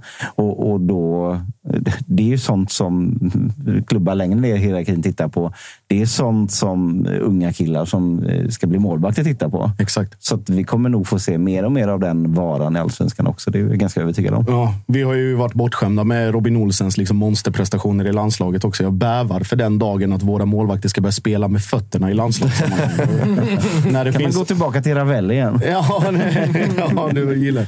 Vi, vi kollar med Mattiasson. De har ju också en, en jättemålvakt i Mitov Nilsson. Kommer tillbaka från en korsbandsskada. Där första målvakten också skadade sig och blir borta resten av säsongen. Jakob Tonander som gjorde det bra fram till att, eh, att David kom tillbaka. Men eh, vi, vi kollar med, eh, med Christer Mattiasson. Vi börjar väl kring, börjar med att säga välkommen först och främst. Tack så du ha. Trevligt. Ja, trevligt att, att, ha dig här. Jag tänkte vi, vi pratar målvakter här och deras betydelse för både liksom lag och omklädningsrum, men även för, för spelet. Vad tycker du? Eller Sirius varit bortskämda med både liksom Jakob Tonanders bra fötter. Det finns och, och, spel och sen finns Hannes Sveijer som en liksom talang på gång och nu Mitov Nilsson tillbaka efter sin, sina liksom skador och sådär. Hur, hur är det som tränare att ha tre så fina alternativ eh, att tillgå? Ja, men det är alltid skönt att kunna ha målvakter. Både att de, framförallt att de kan rädda bollar, men eh, det, det, gör ju, det gör ju ingenting om de kan spela fotboll också. Nej. Att vi inte bara sparkar bort bollen. Ja, precis. Vad, vad är det, om, om, vi tar, om vi utgår från, från David nu och det, det sportsliga läget som ni befinner er i, att det, mm. allting lever fortfarande. Vad, vad bidrar han med rent spelmässigt, bortsett från sin liksom, rutin och, och erfarenhet? Nej, men framförallt det du sa, rutinen är den ena delen och också hur han styr upp eh, försvaret eh, vid inläggslägen och hur han kan eh, argumentera och, och, vara rätt så tydlig i, sin, i sina tankar och sina, sitt snack där ute. Det är väl den viktigaste delen för, som han har kommit in med där utifrån. Mm. Eh, och det kommer han göra resterande året också. Det är väl inget, inget minus egentligen att han har Henka Kastegren framför sig också som man känner utan och innan. Det gör ju jobbet lite lättare i alla fall nej, de, de umgås väl lite för mycket. Du får sära lite på nej, det, det är bra. Ja. Eh, vi, vi hade ju Daniel Stensson med oss eh, tidigare här och han, eh, han efter Blåvitt-matchen eh, Blåvitt-matchen och pratade liksom, bortsett från, från spelet och den sköna segern som kom där. Och så nämnde han lite i förbifarten att eh, Christer Mattiasson har lite vidskepligheter för sig. Och då tänkte vi Okej. att då finns det, då finns det mycket, att gräva i för både för, för Han, oss. han sa till och med att man, man kan skriva en bok om allt du har för dig. Så han faktiskt. Till och med. Ja, det, det, det går ju rykten om det. Jag, jag ifrågasätter det, för det var någon som skickade ett sms till mig. Vad håller du på med? Jag kommer det. Eh, som spelare, absolut. Som tränare så har väl eh, minimerats ordentligt där ute. Och, alltså. Även om du säger att det har minimerats ordentligt, så om man ska tro Stensson så är det fortfarande att du kan liksom inte, du rör inga bollar förrän matchen är igång och du tittar inte när det är straff och sådana saker.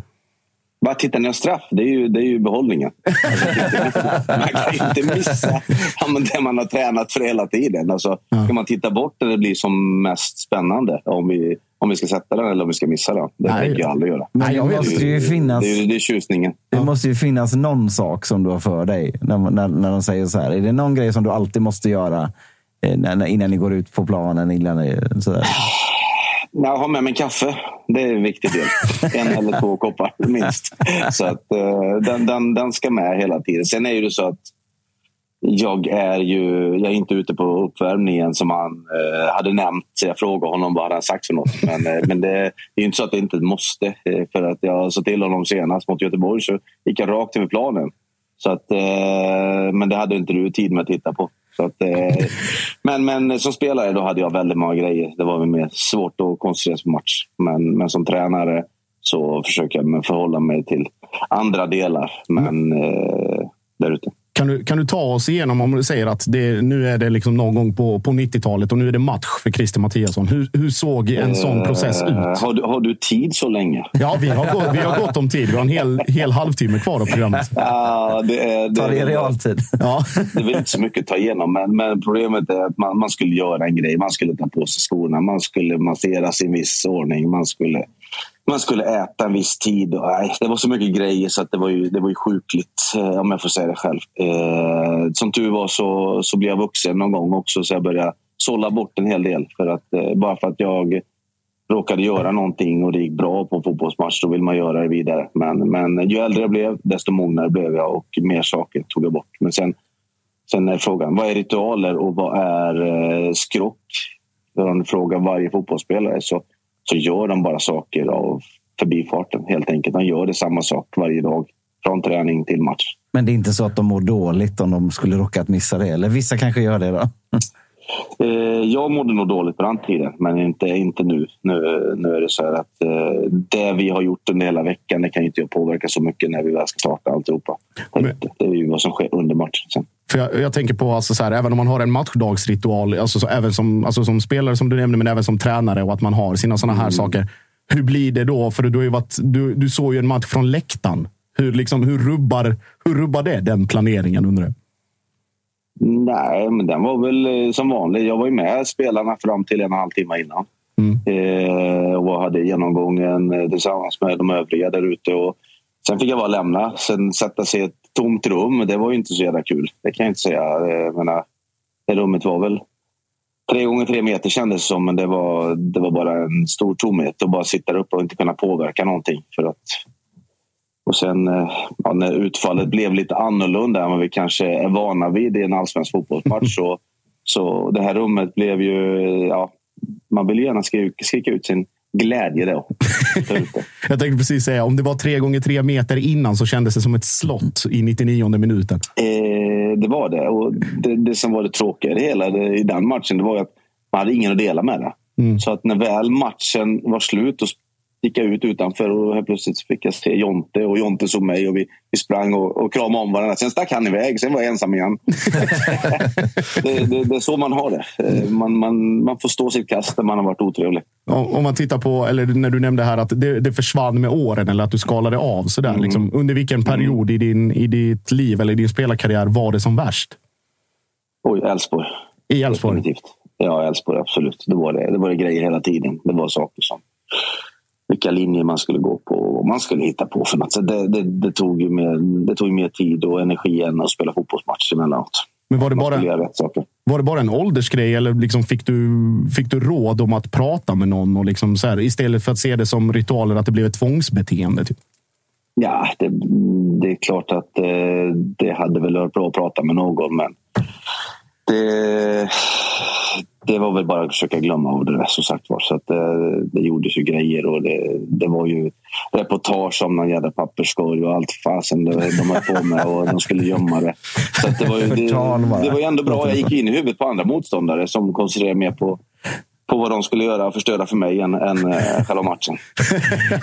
eftersom, eftersom du vill skoja bort det här lite nu då, så nu ska jag ge mig in i elden här igen. Då. Nu kommer jag få, få, få, eh, Apropå ritualer då, så du har, ju, du har ju i alla fall minst en spelare, eh, Stensson, då, som, som ändå har eh, erkänt att han håller på med en hel del ritualer ute på plan också för att få tiden mm. att gå.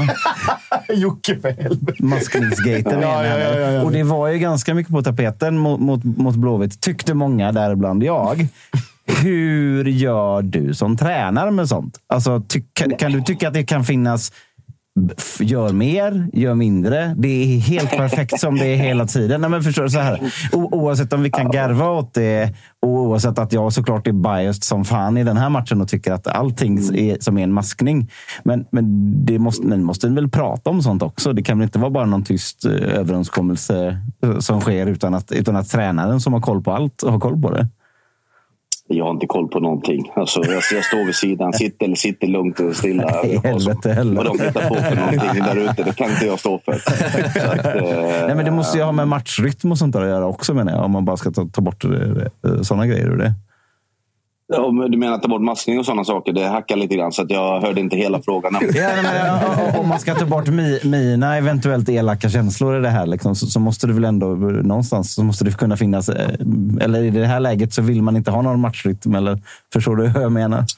Ja, absolut. absolut. Det är klart att eh, när man leder med 1-0 och sådana saker då, då försöker man dra ner på tiden. Det gör, den, den fotbollsspelaren eller det fotbollslag som inte gör det, de, de ljuger eh, helt enkelt. Sen, sen handlar det om att vi håller på med underhållning eh, och publiken har ju betalt en, en hel del pengar för att komma och ska göra de här sakerna. Så det gäller att vi får en, en rytm, och, men i slutändan så handlar det om att vinna fotbollsmatcher där ute. Men vi måste ju ändå stå för en viss del av underhållningen där ute också. Vi kan inte döda matcherna fullständigt för då, då kommer vi inte ha någon publik och då kommer inte någon att tycka att det är kul att gå fotboll här.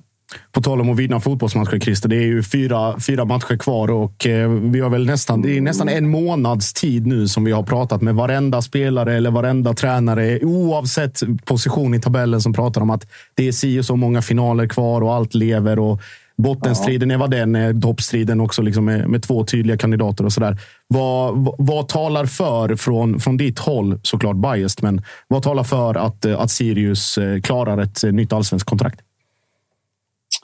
Ja, vi, vi kan väl bara backa bandet. Hade du frågat mig för, för eh, fem veckor sedan så hade det varit en helt annan.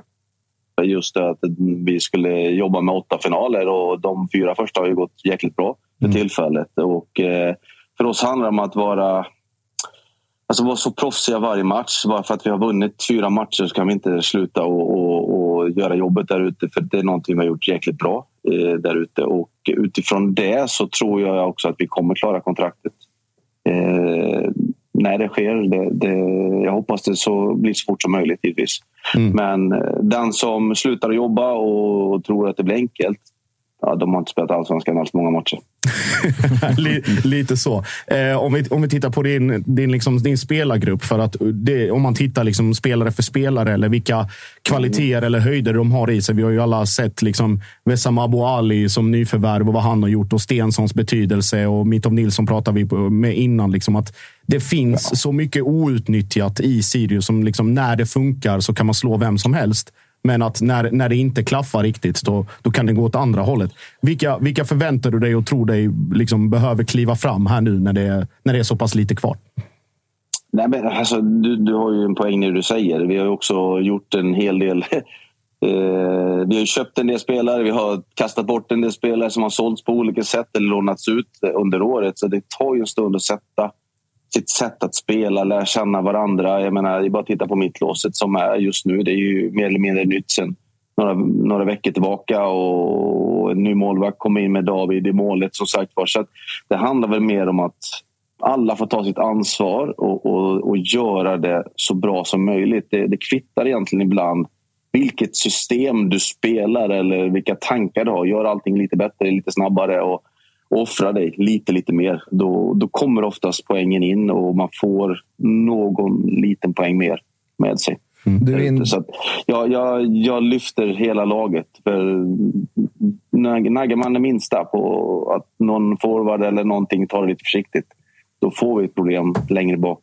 och då får de stå till svars. Mm. Ja, du är inne på det lite, man tar lite poäng här och där. och Vi kikar ju liksom lite på så här med juli, augusti. Det var en jävligt tuff period för er. Liksom. Det var inte alls mycket som gick rätt. Men så här, hur mycket kliar det i fingrarna hos dig som tränare? Att så här, fan, är det någonting jag måste ändra på? Eller hur, liksom, hur svårt är det att tro på sin egna vision? För nu ser vi också resultatet av det. Att man har fortsatt spela sin fotboll. Man har fortsatt liksom, tro på det man gör. Och nu har man fyra raka segrar. Men när det är som tuffast där, när man liksom inte alls någonting går vägen igen? Liksom, hur, hur mycket kliar i en? Att, så här, fan, är det någonting vi måste ändra på? Eller, det måste vara svårt att liksom, bibehålla tron på det man gör då. Eh, vissa sådana stunder kan jag tänka mig. Ja, det, finns, det finns ju två delar i det hela. Det är givetvis när man inte vinner fotbollsmatcher. Jag menar, det är bara att titta på augusti. Vi möter väl alla topplagen som var det. Hade både Elfsborg, Malmö, Häcken under en period och Kalmar eh, på de fyra matcherna. Eh, det är klart att det, det, blir rätt så skralt när man då ligger där nere och de är lite, lite skickligare och vinner de här viktiga matcherna mot oss. Men det, vi, det jag har kunnat titta på det är att vi skapar tillräckligt mycket men vi har inte varit tillräckligt skickliga eller, eller de andra lagen har varit lite, lite skickligare för att vinna de här matcherna. För vi hade ju bara uddamålsförluster ett tag där eh, under den perioden. Eh, så så att jobba vidare, det var inga konstigheter. Vi trodde väldigt mycket på det här vi gjorde. Men någon gång så borde det också börja ramla in lite stolpe in på oss. Och, och det, vi har haft lite flytt givetvis, men vi har jobbat jäkligt hårt för det. Jag menar, vändningen mot Degerfors som jag sa, den, den är unik. Den, den, kommer alltid vara unik eh, utifrån att ha sju minuter på sig att vända en match. Eh, vi hade lite stolpe in mot Värnamo som halkar i sista minuten, även om vi, jag kanske tycker att vi vi skapade mer målchanser under matchen. Så vi har trott på det och, och, vi vet att vi, vi är ett bra fotbollslag. Men eh, vi har väl kanske inte fått det i poängutdelning, men över 30 matcher, att tur otur, vad det nu kallas, hoppas jag alltid spelar roll. Mm. Där ute, att det, det är lika. Ja, om, vi, om vi ska liksom sammanfatta då det här. Dels mm. vidskeplighetsingången och dels det, det sportsliga och sådär. Hur mycket tittar du på de andra där nere som är i direkt anslutning till er i tabellen? Det är klart att vi tittar. Alltså, ja. Det finns väl inte något annat att man, eh, man ser vad de andra gör och alltihopa. Men, men återigen, det som är viktigast för, för mig och våra team som är runt omkring det är ju vad vi gör varje dag på träningen.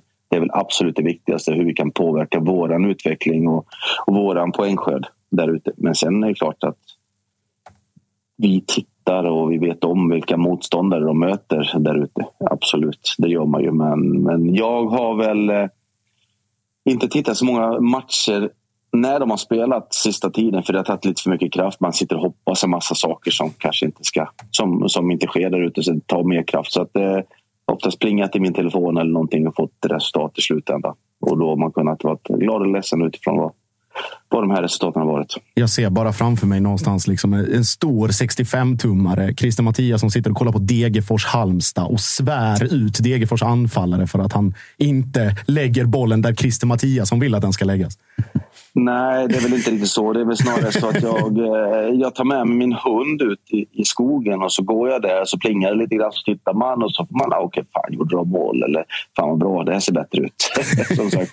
Tänk då hur vi... Det, eh, det går inte att titta och lägga sån kraft. För man, man mår tillräckligt dåligt när man har legat där nere i botten. Det mm. kan man inte säga någonting annat. Tänk då hur vi som kanske har hoppats på att det skulle gå tvärtom för er. Vi som håller på andra lag som är indragna i den. Hur, hur vi har Man haft håller en... inte på oss. Jocke, Jocke har... prata mer längre. Jocke har jättebekymmer där nere i den delen av tabellen. När, det har, när det har plingat in eh, Sirius poäng eh, på, på fel ställe så att säga. Då kan du förstå hur, hur dåligt vi har mått istället. Alltså det, det är ju så. Det är ju, det är ju livet med, med idrott och vilket lag man än håller på. Att det, I vissa gånger så, så mår man skitbra när, man, när laget har vunnit ett antal matcher och alltihopa. Och sen vissa gånger så tycker man att allting är skit. Men eh, det, det är ju det är någon som säger att det är en lek och den leken älskar vi allihopa. Så att, men den blir lite för allvarlig emellanåt. Li, lite så. Apropå må bra och må dåligt då. Är det ett eh, Christer Mattiasson-derby i helgen rent av, eller? Ja, det får man ändå säga. Eh, ja, vi, vi, vi säger väl det. Får väl se om ritualerna följer med även i den matchen. Ja, Christer Mattiasson, stort, stort tack och eh, lycka till här framöver i de fyra sista. Och så får väl hoppas att inga fjärrkontroller ryker eller att skogen får sig en avhyvling. Nej, det är nog ingen fara. Ta hand om er. Detsamma, med det Detsamma. Christer. Hej. Tack, tack. Hej. Hej. Vi säger stort tack till EA Sports. Som är med och sponsrar Tuttosvenskan. Och nya EA FC 24 är ute i butik. Det vet väl alla vid det här laget. Eh, Har man inte ännu hunnit eh, hämta sin kopia så kan jag faktiskt eh, råda er att göra det. Alltså gå in och köp den fysiskt eller på ladda ner den eller hur ni nu vill handla den. Vi har spelat mycket här på kontoret och det är super, super, super kul. Är tummarna slitna på er? Ja, jag har lite slitage i min högra tumme här. Ja, vad heter den? Lä- läderhuden börjar liksom... Ja, exakt. Den- den- Var- den- varje- Vi alla segrar här på IFC. Va- varje gång Freddy inte är här så säger nämligen de andra att de slaktar dig. Ja, jag, jag blir så frustrerad på det här snacket. Alltså, jag tror jag har torskat en match på IAFC 24 hittills. Så det är bara så mycket lögner som sprider sig på kontoret här. Så det är skönt att jag själv kan sitta här och brösta det nu och säga sanningen att man är väl någon typ av okrönt mästare här på kontoret på IAFC.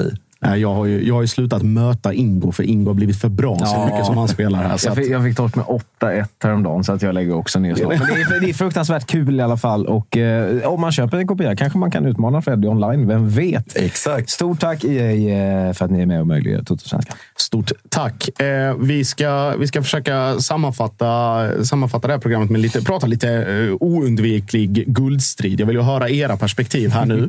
eh, de var inne på det innan. eh, Det var rapporter om att Oliver Berg klev av. Eh, träningen fick bäras av, ganska hårt lindad. Eh, första rapporterna från Malmö säger att han i alla fall missar Varbergsmatchen som Per Hansson var inne på. Eh, och eh, då, mm, om jag får spekulera fritt, eh, även fler matcher därefter. Eh, hur eh, är, liksom, kan det vara guldet som försvinner för Malmö där, tror ni? Alltså så här, jag är ju, alltså man, så här, någonstans är man ju lite förvånad ändå att Oliver Berg har fått den där instant liksom, påverkan på Malmö. För det kändes ändå som att ni var hyfsat harmoniska innan han kom. Eh, allting rullade på rätt bra, men han har ju verkligen visat att han har kommit in och gett Malmö en, liksom en helt ny höjd. Eh, vilket jag inte trodde han skulle komma in och göra så snabbt som ändå han har gjort det. Eh, så hade du frågat mig för några veckor sedan om Oliver Berg skulle bli skadad, om han skulle ha en stor påverkan i guldstrid, då hade jag sagt nej. Men nu när man ändå har sett vilken otrolig effekt han har på det här laget, om vi bara kollar liksom hans poängprotokoll hittills, men också liksom övriga spelet i laget, så är det ju en, en nyckelspelare ni blir av med. Eh, sen så har ni väl en hyfsad uppbackning där bakom. Vem, vem, vem ser du ska liksom backa upp nu för, för Oliver Berg Jag, om, om, eh, om han visar sig att han är borta nu kanske Ja. resten av säsongen? Jag känner spontant att eh, det finns en ganska, ganska lugn känsla i att Sebastian Nanasi får gå tillbaka in i mitten. Eh, Oliver Berg har ju såklart bidragit jättemycket. Eh, jag, tror, eller jag tycker då att Sebbe har blivit lite lidande just på grund av det, alltså utifrån hans på, eh, eh, prestationer de senaste. Att Oliver har fått den rollen, han har gjort det bra, han har bidragit med både poäng och, och eller med mål och assist. Bayern-matchen, det tydligaste exemplet när han liksom gör gör det målet han gör på det sättet och vilken, vilken roll han har haft. Sen Kalmar-matchen är han helt isolerad. Det pratade vi med Henrik Jensen om. att det är liksom Deras både wingbacks och centrala mittfältare låser den ytan som han så gärna vill komma åt. Men just den på något sätt tryggheten i att Nanasi finns där och har gjort det bra fram till att Oliver Berg kom också gör att ja, det är klart det är ett avbräck och ja, det är en potentiell guldjoker som kan hitta hitta rätt passning eller rätt mål i rätt läge. Men att man har det då och att man har alternativen med att kanske sätta upp då, eh, spela Sören Rex från start eller då Taha Ali eller laborera lite Sebastian Jörgensen som när Malmö spelade U21-match igår eh, gjorde både mål och assist och, och verkar vara på väg tillbaka i någon form av, av form. Så att Ja, det är klart det är ett avbräck, men jag sitter inte och sliter håret för att det finns. Liksom, det hade väl varit ett, ett större avbräck till exempel om om Peña hade försvunnit på sitt sätt eller om vi plötsligt får dras. Liksom, nu har vi fortfarande mitt, mittbacksproblematik som existerar. Att Pontus Janssons varningar ligger kvar och han är, han är ett kort från att vara avstängd i en omgång till. Så det är frågan, ska man låta honom ta, det, ta ett gult nu mot Varberg? Missa Peking och sen då vara var ren inför Häcken och Elfsborg eller hur man nu ska laborera. Jag vet inte. Och det måste också säga, inge, precis som du är inne på, också en viss trygghet i att man går tillbaka till någonting som har visat sig fungerat tidigare i år. Precis. Det hade varit jobbigare om man kanske varit av med Oliver Berg och Nanasi. Då måste man helt börja alltså, laborera med någonting helt nytt. Men nu handlar det mer om att så här, Oliver Berg kom in lite som så här körsbäret på toppen nu mm. på, höst, på hösten. här. Mycket pekar på att Nanasi kanske kommer lämna i vinter så att han kommer liksom ha en extremt viktig roll i Malmö nästa år. Men avbräcket nu med Oliver Berg borta blir ju mer att Malmö FF går tillbaka så som han spelade innan Oliver Berg anlände till Malmö FF mm. och som har visat sig fungera exceptionellt bra med Taha Ali, vi har Vecchia på kanten, ja. Nanasi i mitten och sen Kiese där framme. Absolut. Det ger ju kanske Malmö mindre utrymme att laborera såklart. Men... Eh, men kan Jocke sitta och mysa? Ja, jag tyckte bara det var kul att du sa att, att Peña skulle försvinna på sitt sätt. På sitt sätt? Ja, eller vad det innebär nu. Vilket sätt är det? Ja, det finns många olika ja. sätt. Men, Jocke eh, Hanes tolkar. Ja, Jocke tolkar. Eh, nej, men det som du är inne på Fredrik, just att alltså, det har fungerat tidigare, men även att nu när det är så pass många matcher, eller viktiga matcher kvar mot bra motstånd gör ju också att eh, liksom, vi såg ju vilken påverkan Pontus Janssons frånvaro hade i de här två matcherna. Det var knappt att man kom undan mot BP och sen åker man på den torsken mot Kalmar. Och att även om han är mittback så bidrar han med sitt och, och lyfter kollektivet och sådär. Dalin har ju sett bra ut. Det är väl, och sen då om vi ska, en annan aktualitetsgrej, det var ju Eh, meddelelse går att Bussanello förlänger sitt kontrakt med ytterligare ett år och det luktar ju en sån där klassisk klausulförlängning, det vill säga att för rätt pris och rätt bud så kommer han att eh, söka sig nya äventyr, om det nu blir i vinter eller till sommaren eller efter nästa säsong. Uppenbarligen trivs han väldigt bra med familjen och socialt och så där i Malmö. Och, och allt det där. Men sportsligt så har det ju varit en, en andra halva av säsongen som lämnar betydligt mer att önska. Eh, han har ju inte alls kommit upp i den nivån. Han, han har ju fortfarande de liksom, statistiska liksom, eh, aspekterna. Att han är bäst på det här, han är bäst på det här, han har flest de här grejerna och så vidare. Men spelmässigt har han inte bidragit jättemycket och det har varit mer fokus på att gnälla på domsluten vad det har varit med att hitta en vass, vass inläggsfot och, och hitta Thelin. Så att att den biten kanske luckras upp nu när alla vet vad de har varandra och får, får jobba i lugn och ro. Jag vet inte det, men jag, jag hoppas och tror att, att det kan vara, eh, kan vara viktigt här. Och det är väl Elfsborg hade ju paniken där med både Frick och Bernhardsson. Där Bernhardssons första, första prognos var att han missar hela säsongen. Så var han mirakulöst tillbaka efter två veckor. Och, och allt sådär. Så att alla sådana här småsaker, om de hade hänt i omgång liksom 19 eller 7 eller någonting, då hade man inte pratat så mycket. Men nu blir minsta lilla grej. Det, lite, ja, men det kan vara en aktion i en match som plötsligt blir avgörande för hela ligan. Så att säga. Precis, precis men, så. Ja, men, men guldstriden, det, det, är väl ganska enkelt egentligen. Om Elfsborg slår AIK nu i den här omgången, mm. då vinner de. Du tror det? Det tror jag. Ja. För att då, då, då tittar man på spelschema och på hur det ser ut så, så känns det som att då, då ska jag svårt att se att de ska komma utan att ha ledningen till, eh, till sista omgången. Mm. Och är inte detta Elfsborgslaget satta på jorden för att spela kryss borta mot Malmö? ja, men, ja, eller, eller förstår, förstår du min tanke? Jag, jag överdriver lite här såklart. Mm. Men, men det, det, känns som att här, det, det kanske är det svåraste hindret på något sätt här just nu för, för, eh, för Elfsborg. Sen ska de möta Blåvitt borta. Men, ja, exakt. men, men eh, får de med sig den trean så kan de gå ut i den svårare matchen med, med en annan approach och så vidare. Jag tror att det är en otrolig nyckelmatch. Eh, det är väl alla här nu såklart. Ja. Men det är ett, ett av de verkligt svåra hindren som Elfsborg står inför. Ja. Med, Medan ni, eh, Malmö, möter Varberg. Då, liksom. så mm. det, det, man ska ta, över, ta sig över den poängpucken. Mm. Ja, lite så. Nej, men jag, jag hör dig och jag håller väl delvis med. Det är ju liksom, jag tror ju fortfarande att det här kommer leva, även om jag säger annat till Elfsborgare i andra sammanhang, eh, så kommer det här leva hela vägen in. Och det är som, som Per var inne på, just att att gå in i den sista omgången inför den sista matchen och veta att Malmö måste vinna på hemmaplan. Det var ju väl det, var väl, det räckte med kryss mot HBK när AIK låg tvåa och det blev 0-0. Och där, mm. hade, där alla bara liksom hade ångest. Det var att... någon lång boll i slutet, kommer jag ihåg. Ja, för att... som, som, som bara, det stod still fullkomligt på, på hela stadion. Lite så. Och det var ju för att HBK, och jag vet inte varför eller hur, men det kändes som att de inte fick veta att Degerfors hade gjort mål. Och att det, liksom, det blev ingen forcering eller någonting. Och så slutar det 0-0. Men det här är ju något helt annat. Det här är ju liksom, det är någonting vi inte har sett sedan, sedan 2009, om det då skulle bli av. Men om vi vänder till eh, till Elfsborg. Liksom, det, är, det är väldigt lugnt utåt och det är den här hela liksom, grejen att de har pratat om att det är ingen Liksom, vi är i Borås och ingen förväntar sig någonting och vi jobbar i lugn och ro och bla bla bla.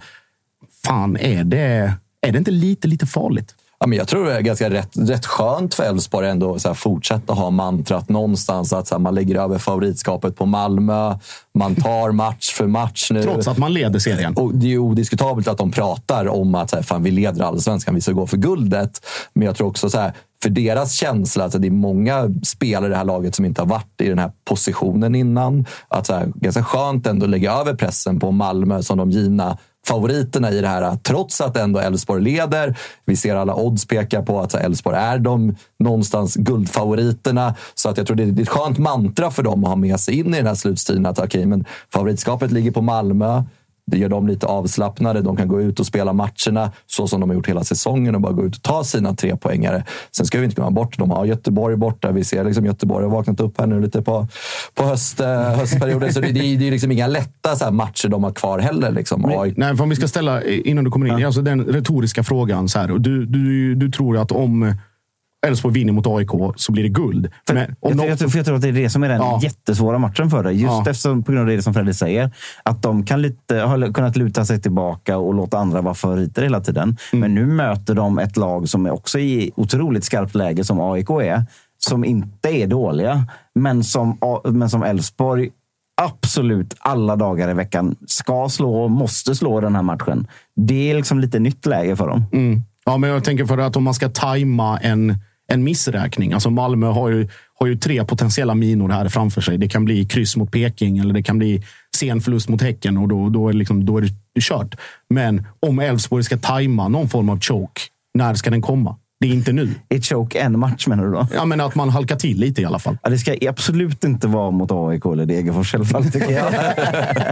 så det får ju bli mot Blåvitt. Det får bli mot Blåvitt. Nej, men så här, det är väl också, det, kanske, det, ska väl vara den på pappret svåraste matchen för dem ändå. Borta mm. mot Blåvitt. Det är väl alltid svårt för mm. Elfsborg mm. på något sätt.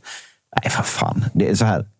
Det laget som vill vinna guld här, de, de har väl inte råd med någon choke nu, eller? Nej, det känns ju. Alltså Malmö har ju absolut inte råd nej, nej. Med, med, Den försvann ju mot Kalmar. Ja. Och Elfsborg, ja, ett kryss mot Blåvitt kan de väl kosta på sig kanske. Men, ja. men inte mer egentligen va? Nej, och då lever det. Och om man går ja. rent i övrigt så lever det ju in i, i sista. Så. Och, det, och så här, det behöver nog Elfsborg. Elfsborg behöver ha ledningen mm. när de kliver in i sista omgången, tror jag. För annars så... så kan det bli riktigt jobbigt. Ja, för, för att eh, de är fantastiska på att kontra, krympa ytorna och kontra, för det gör de fan med dödligt. Mm. Så att eh, om de får lov att göra så på, borta i Malmö så, så, så tror jag att eh, fördelen ligger hos dem. Mm. Vi, ska, vi ska avrunda det här programmet med lite, lite Blåvitt eh, också. Måste vi det? Ja, det måste vi. Det måste vi väl ändå. Eh, som du var inne på, Elfsborg, eh, Elfsborg kvar. Va, hur mm. ser det ut i, i övrigt? Eh, fräscha upp minnet här för oss. Ja, men vi har ju ehm, uppenbara sorry. halsproblem. Ja, sorry. Vi, har, vi har Värnamo borta ja. eh, och sen har vi Elfsborg hemma. Och sen så har vi AIK hemma. Mm, just det. Och sen så har vi Varberg borta. Ja. Och jag har räknat ut, jag och Patrik, har räknat ut att det ska räcka med en seger för att ändå känna, känna sig ganska, ganska eh, baserat på vilka, mm. vilka andra matcher vi ser och sådär. Det enda egentligen som jag har sett nu som, som måste till då för detta. Och då, då ska jag blanda in Djurgården igen. För Djurgården måste göra en liten uppryckning för att Häcken ska ha något att spela om i sista omgången mot BP. är, är, du med? Ja, så ni får liksom inte tappa kontakten med Häcken av den anledningen. Nej, nej, nej men det, fan, det kan du vara lugn med. Det, det bibehåller Freddy efter det här säsongen. fan, det är BP borta och det är Sirius hemma. Det är Bayern hemma nu i helgen. Vi, kontakten kommer bibehållas, Jocke. Det behöver ja, skönt att höra. Men jag är lite nyfiken på, du, du ja. nämner att det är en trepoängare som ni ska ta. Då känner ni er säkra. Kommer du gå ut och fira då? När ni tar den här trepoängaren? Poängen. Att, fan, vi gjorde det. vi var kvar i allsvenskan. Om vi tar Värnamo borta till exempel. Ja. Alltså fyra. Total alltså, alltså, I ett sånt här år så, får man, så ska man ju liksom inte förakta de få tillfällena man, man kan få Man fira. firar med, med en lättnadskänsla Ja, kanske. precis. Så, så får man säga. Nej, men det är väl eh, ett, det lilla kamratderbyt. Eller? Det är en stretch, det får man väl ändå säga. Simon Tern-derbyt. Simon Tern-derbyt. Ja, Den som vill lyssna på det kan ju också gå in och lyssna på BB-pods senaste avsnitt. Det är ju med, faktiskt med Simon Tern. Ja, och. Simon ska för all del vara med oss på fredag också. Det kommer han. Han snacka, kommer snacka upp detta. Han kommer, eller han, eh, Han kommer kommer, in i, han kommer in i programmet på, på fredag i alla fall. Och eh, ska vi ta våra pliktskyldiga 30 sekunder Djurgården. Ska kontakten vara kvar? Alltså, Va- va- man, man kan ju inte tro på det längre. Alltså, det, det känns som att nå- någon gång måste man ge upp. Men! finns alltid ett men. Men så här, det här derbyt nu vi har på söndag blir ju här, ett extremt avgörande för vår fjärde plats. Går vi och vinner nu på söndag och eh, vi vet hur Häcken har sett ut senaste tiden så att eh, ingenting är omöjligt på så sätt. Att sen har vi BP borta, vi har eh, Sirius hemma och Kalmar borta kan mycket väl gå rent. Eh, med senaste matcherna i åtanke så eh, skulle det väl vara otroligt om vi gjorde det. Men jag tror en, en vinst i derbyt på söndag kan sätta en jävligt fin avslutning på den här säsongen. Schüller borta, så enligt prognoserna. Exakt. Hjärnskakning. Vi fick en hjärnskakning, gick av träning, eh, spelade 45 minuter första EM-kvalmatchen där, sen fick han gå av. Så att, det är någon stege där som vi pratar om ibland och den följs ju noga, protokollen där. Så det är klart, ett stort avbräck om han skulle vara borta på, på söndag, för han är en nyckel på det centrala mittfältet. Så det är klart att det kommer påverka det här laget väldigt mycket. Men eh, nej, det är bara, nu börjar liksom derbymagen infinna sig och det är en otroligt viktig match. För vinner vi då någonstans ska vi kunna räkna hem den där fjärde platsen. Då är avståndet så pass långt ner till, eh, till femteplatsen. Men ja, det krävs en vinst för det och eh, kommer sätta mycket stämningen för liksom, de tre nästkommande matcherna efter det. Är eh, Hoffen bokad? Hoffen är inte bokad. Eh, vi ska inte hålla på med några jinxar här nu. Det har gjorts alldeles för många gånger och så har man torskat matcher. Så att, eh, det blir eh, en, en, en lättare uppvärmning på en eh, ej nämnd pub i stan inför matchen. Och sen blir det väl att jobba hem de där tre poängen i derbyt. Och så kanske till Hoffen sen. Ja, vid eh, en eventuell seger så kan det mycket väl bli att det blir lite kalldryck på Hoffen efteråt. Faktiskt. Men- det vore men- otroligt skönt. Men, men vad tror du om, du, om vi ska vara seriösa då? I- Inför, inför derbyt här. Liksom. Alltså, är det alltid så, ja, det man tippar alltid 1-1. Liksom. Men, men har du liksom har du någon feeling för det här just nu? Alltså just nu har jag bara varit frustrerad hela den här hösten på liksom den fotbollen vi spelar. Även fast vi går och vinner matcherna så ser det inte jättebra ut. Men någonstans så hoppas jag och tror att den där tändningen finns nu inför derbyt. Vi har sett eh, Lukas Bergvall avslutade liksom innan nu uppehållet med liksom starta i Djurgården. Sett jättefin ut. u matcherna Också fått spela som 17-åring. Gjorde mål sin första match. Sjätte, sjätte yngsta. Sjätte yngsta i 21 historia. Och målgörare. Nej, men så att, så att jag ser jättegärna att han får komma in och spela. Eh, lite, om du säger, det beror på, på Schüllers liksom, status, eh, hur han mår, om han kan spela eller inte spela. Men skulle jättegärna se ett centralt mittfält där kanske Magnus Eriksson inte startar. Eh, där vi får se Hampus Findell och Lukas Bergvall från start med Schüller bakom. Eh, och, Samtidigt derby. Mange. Mm. Mm, mm, Det går att diskutera. Ja, det gör ju det. Gör ju det. Så att, eh, nej, men det är väldigt så ambivalent känsla inför söndag. Eh, sen när man väl likförbannat står där på söndag så är det klart att vi ska jobba in de där tre poängen. Men eh, Bayern har sett bra ut och gjort mindre bra matcher på slutet. Men vi vet alla att det är ett bra fotbollslag vi möter och de eh, kommer absolut göra allt för att liksom, komma ikapp oss på den här fjärde platsen. Så det är ganska mycket på spel på, eh, på söndag. Fast inte någon direkt Europaplats, men vi vet att den här fjärde platsen kan leda till ett allsven eller ja, Europaspel nästa år. Så att, det är klart det är mycket på spel på söndag också för gubbarna där ute. Så. Mycket, mycket Ja, det ska bli otroligt spännande. Är mycket väldigt på, taggad. Mycket på spel är det. Vi har ett eh, fantastiskt fredagsavsnitt att se fram emot. Eh, har vi redan hintat om. Måndagen kan bli ännu hetare beroende på hur det går där. Eh, jag säger stort tack till Freddy Arnesson, till Jocke Hanes, till Kalle Nilsson Och också till Johan eh, också Johan Kutschkasslan som var med tidigare här i, i programmet. Eh, tack för idag killar. Ja, tack för idag Josip. Bra var- roddat. Tack så mycket. Vi, eh, vi säger så och så ses vi igen på fredag 14.00 precis som alltid. Bella ciao. Ciao.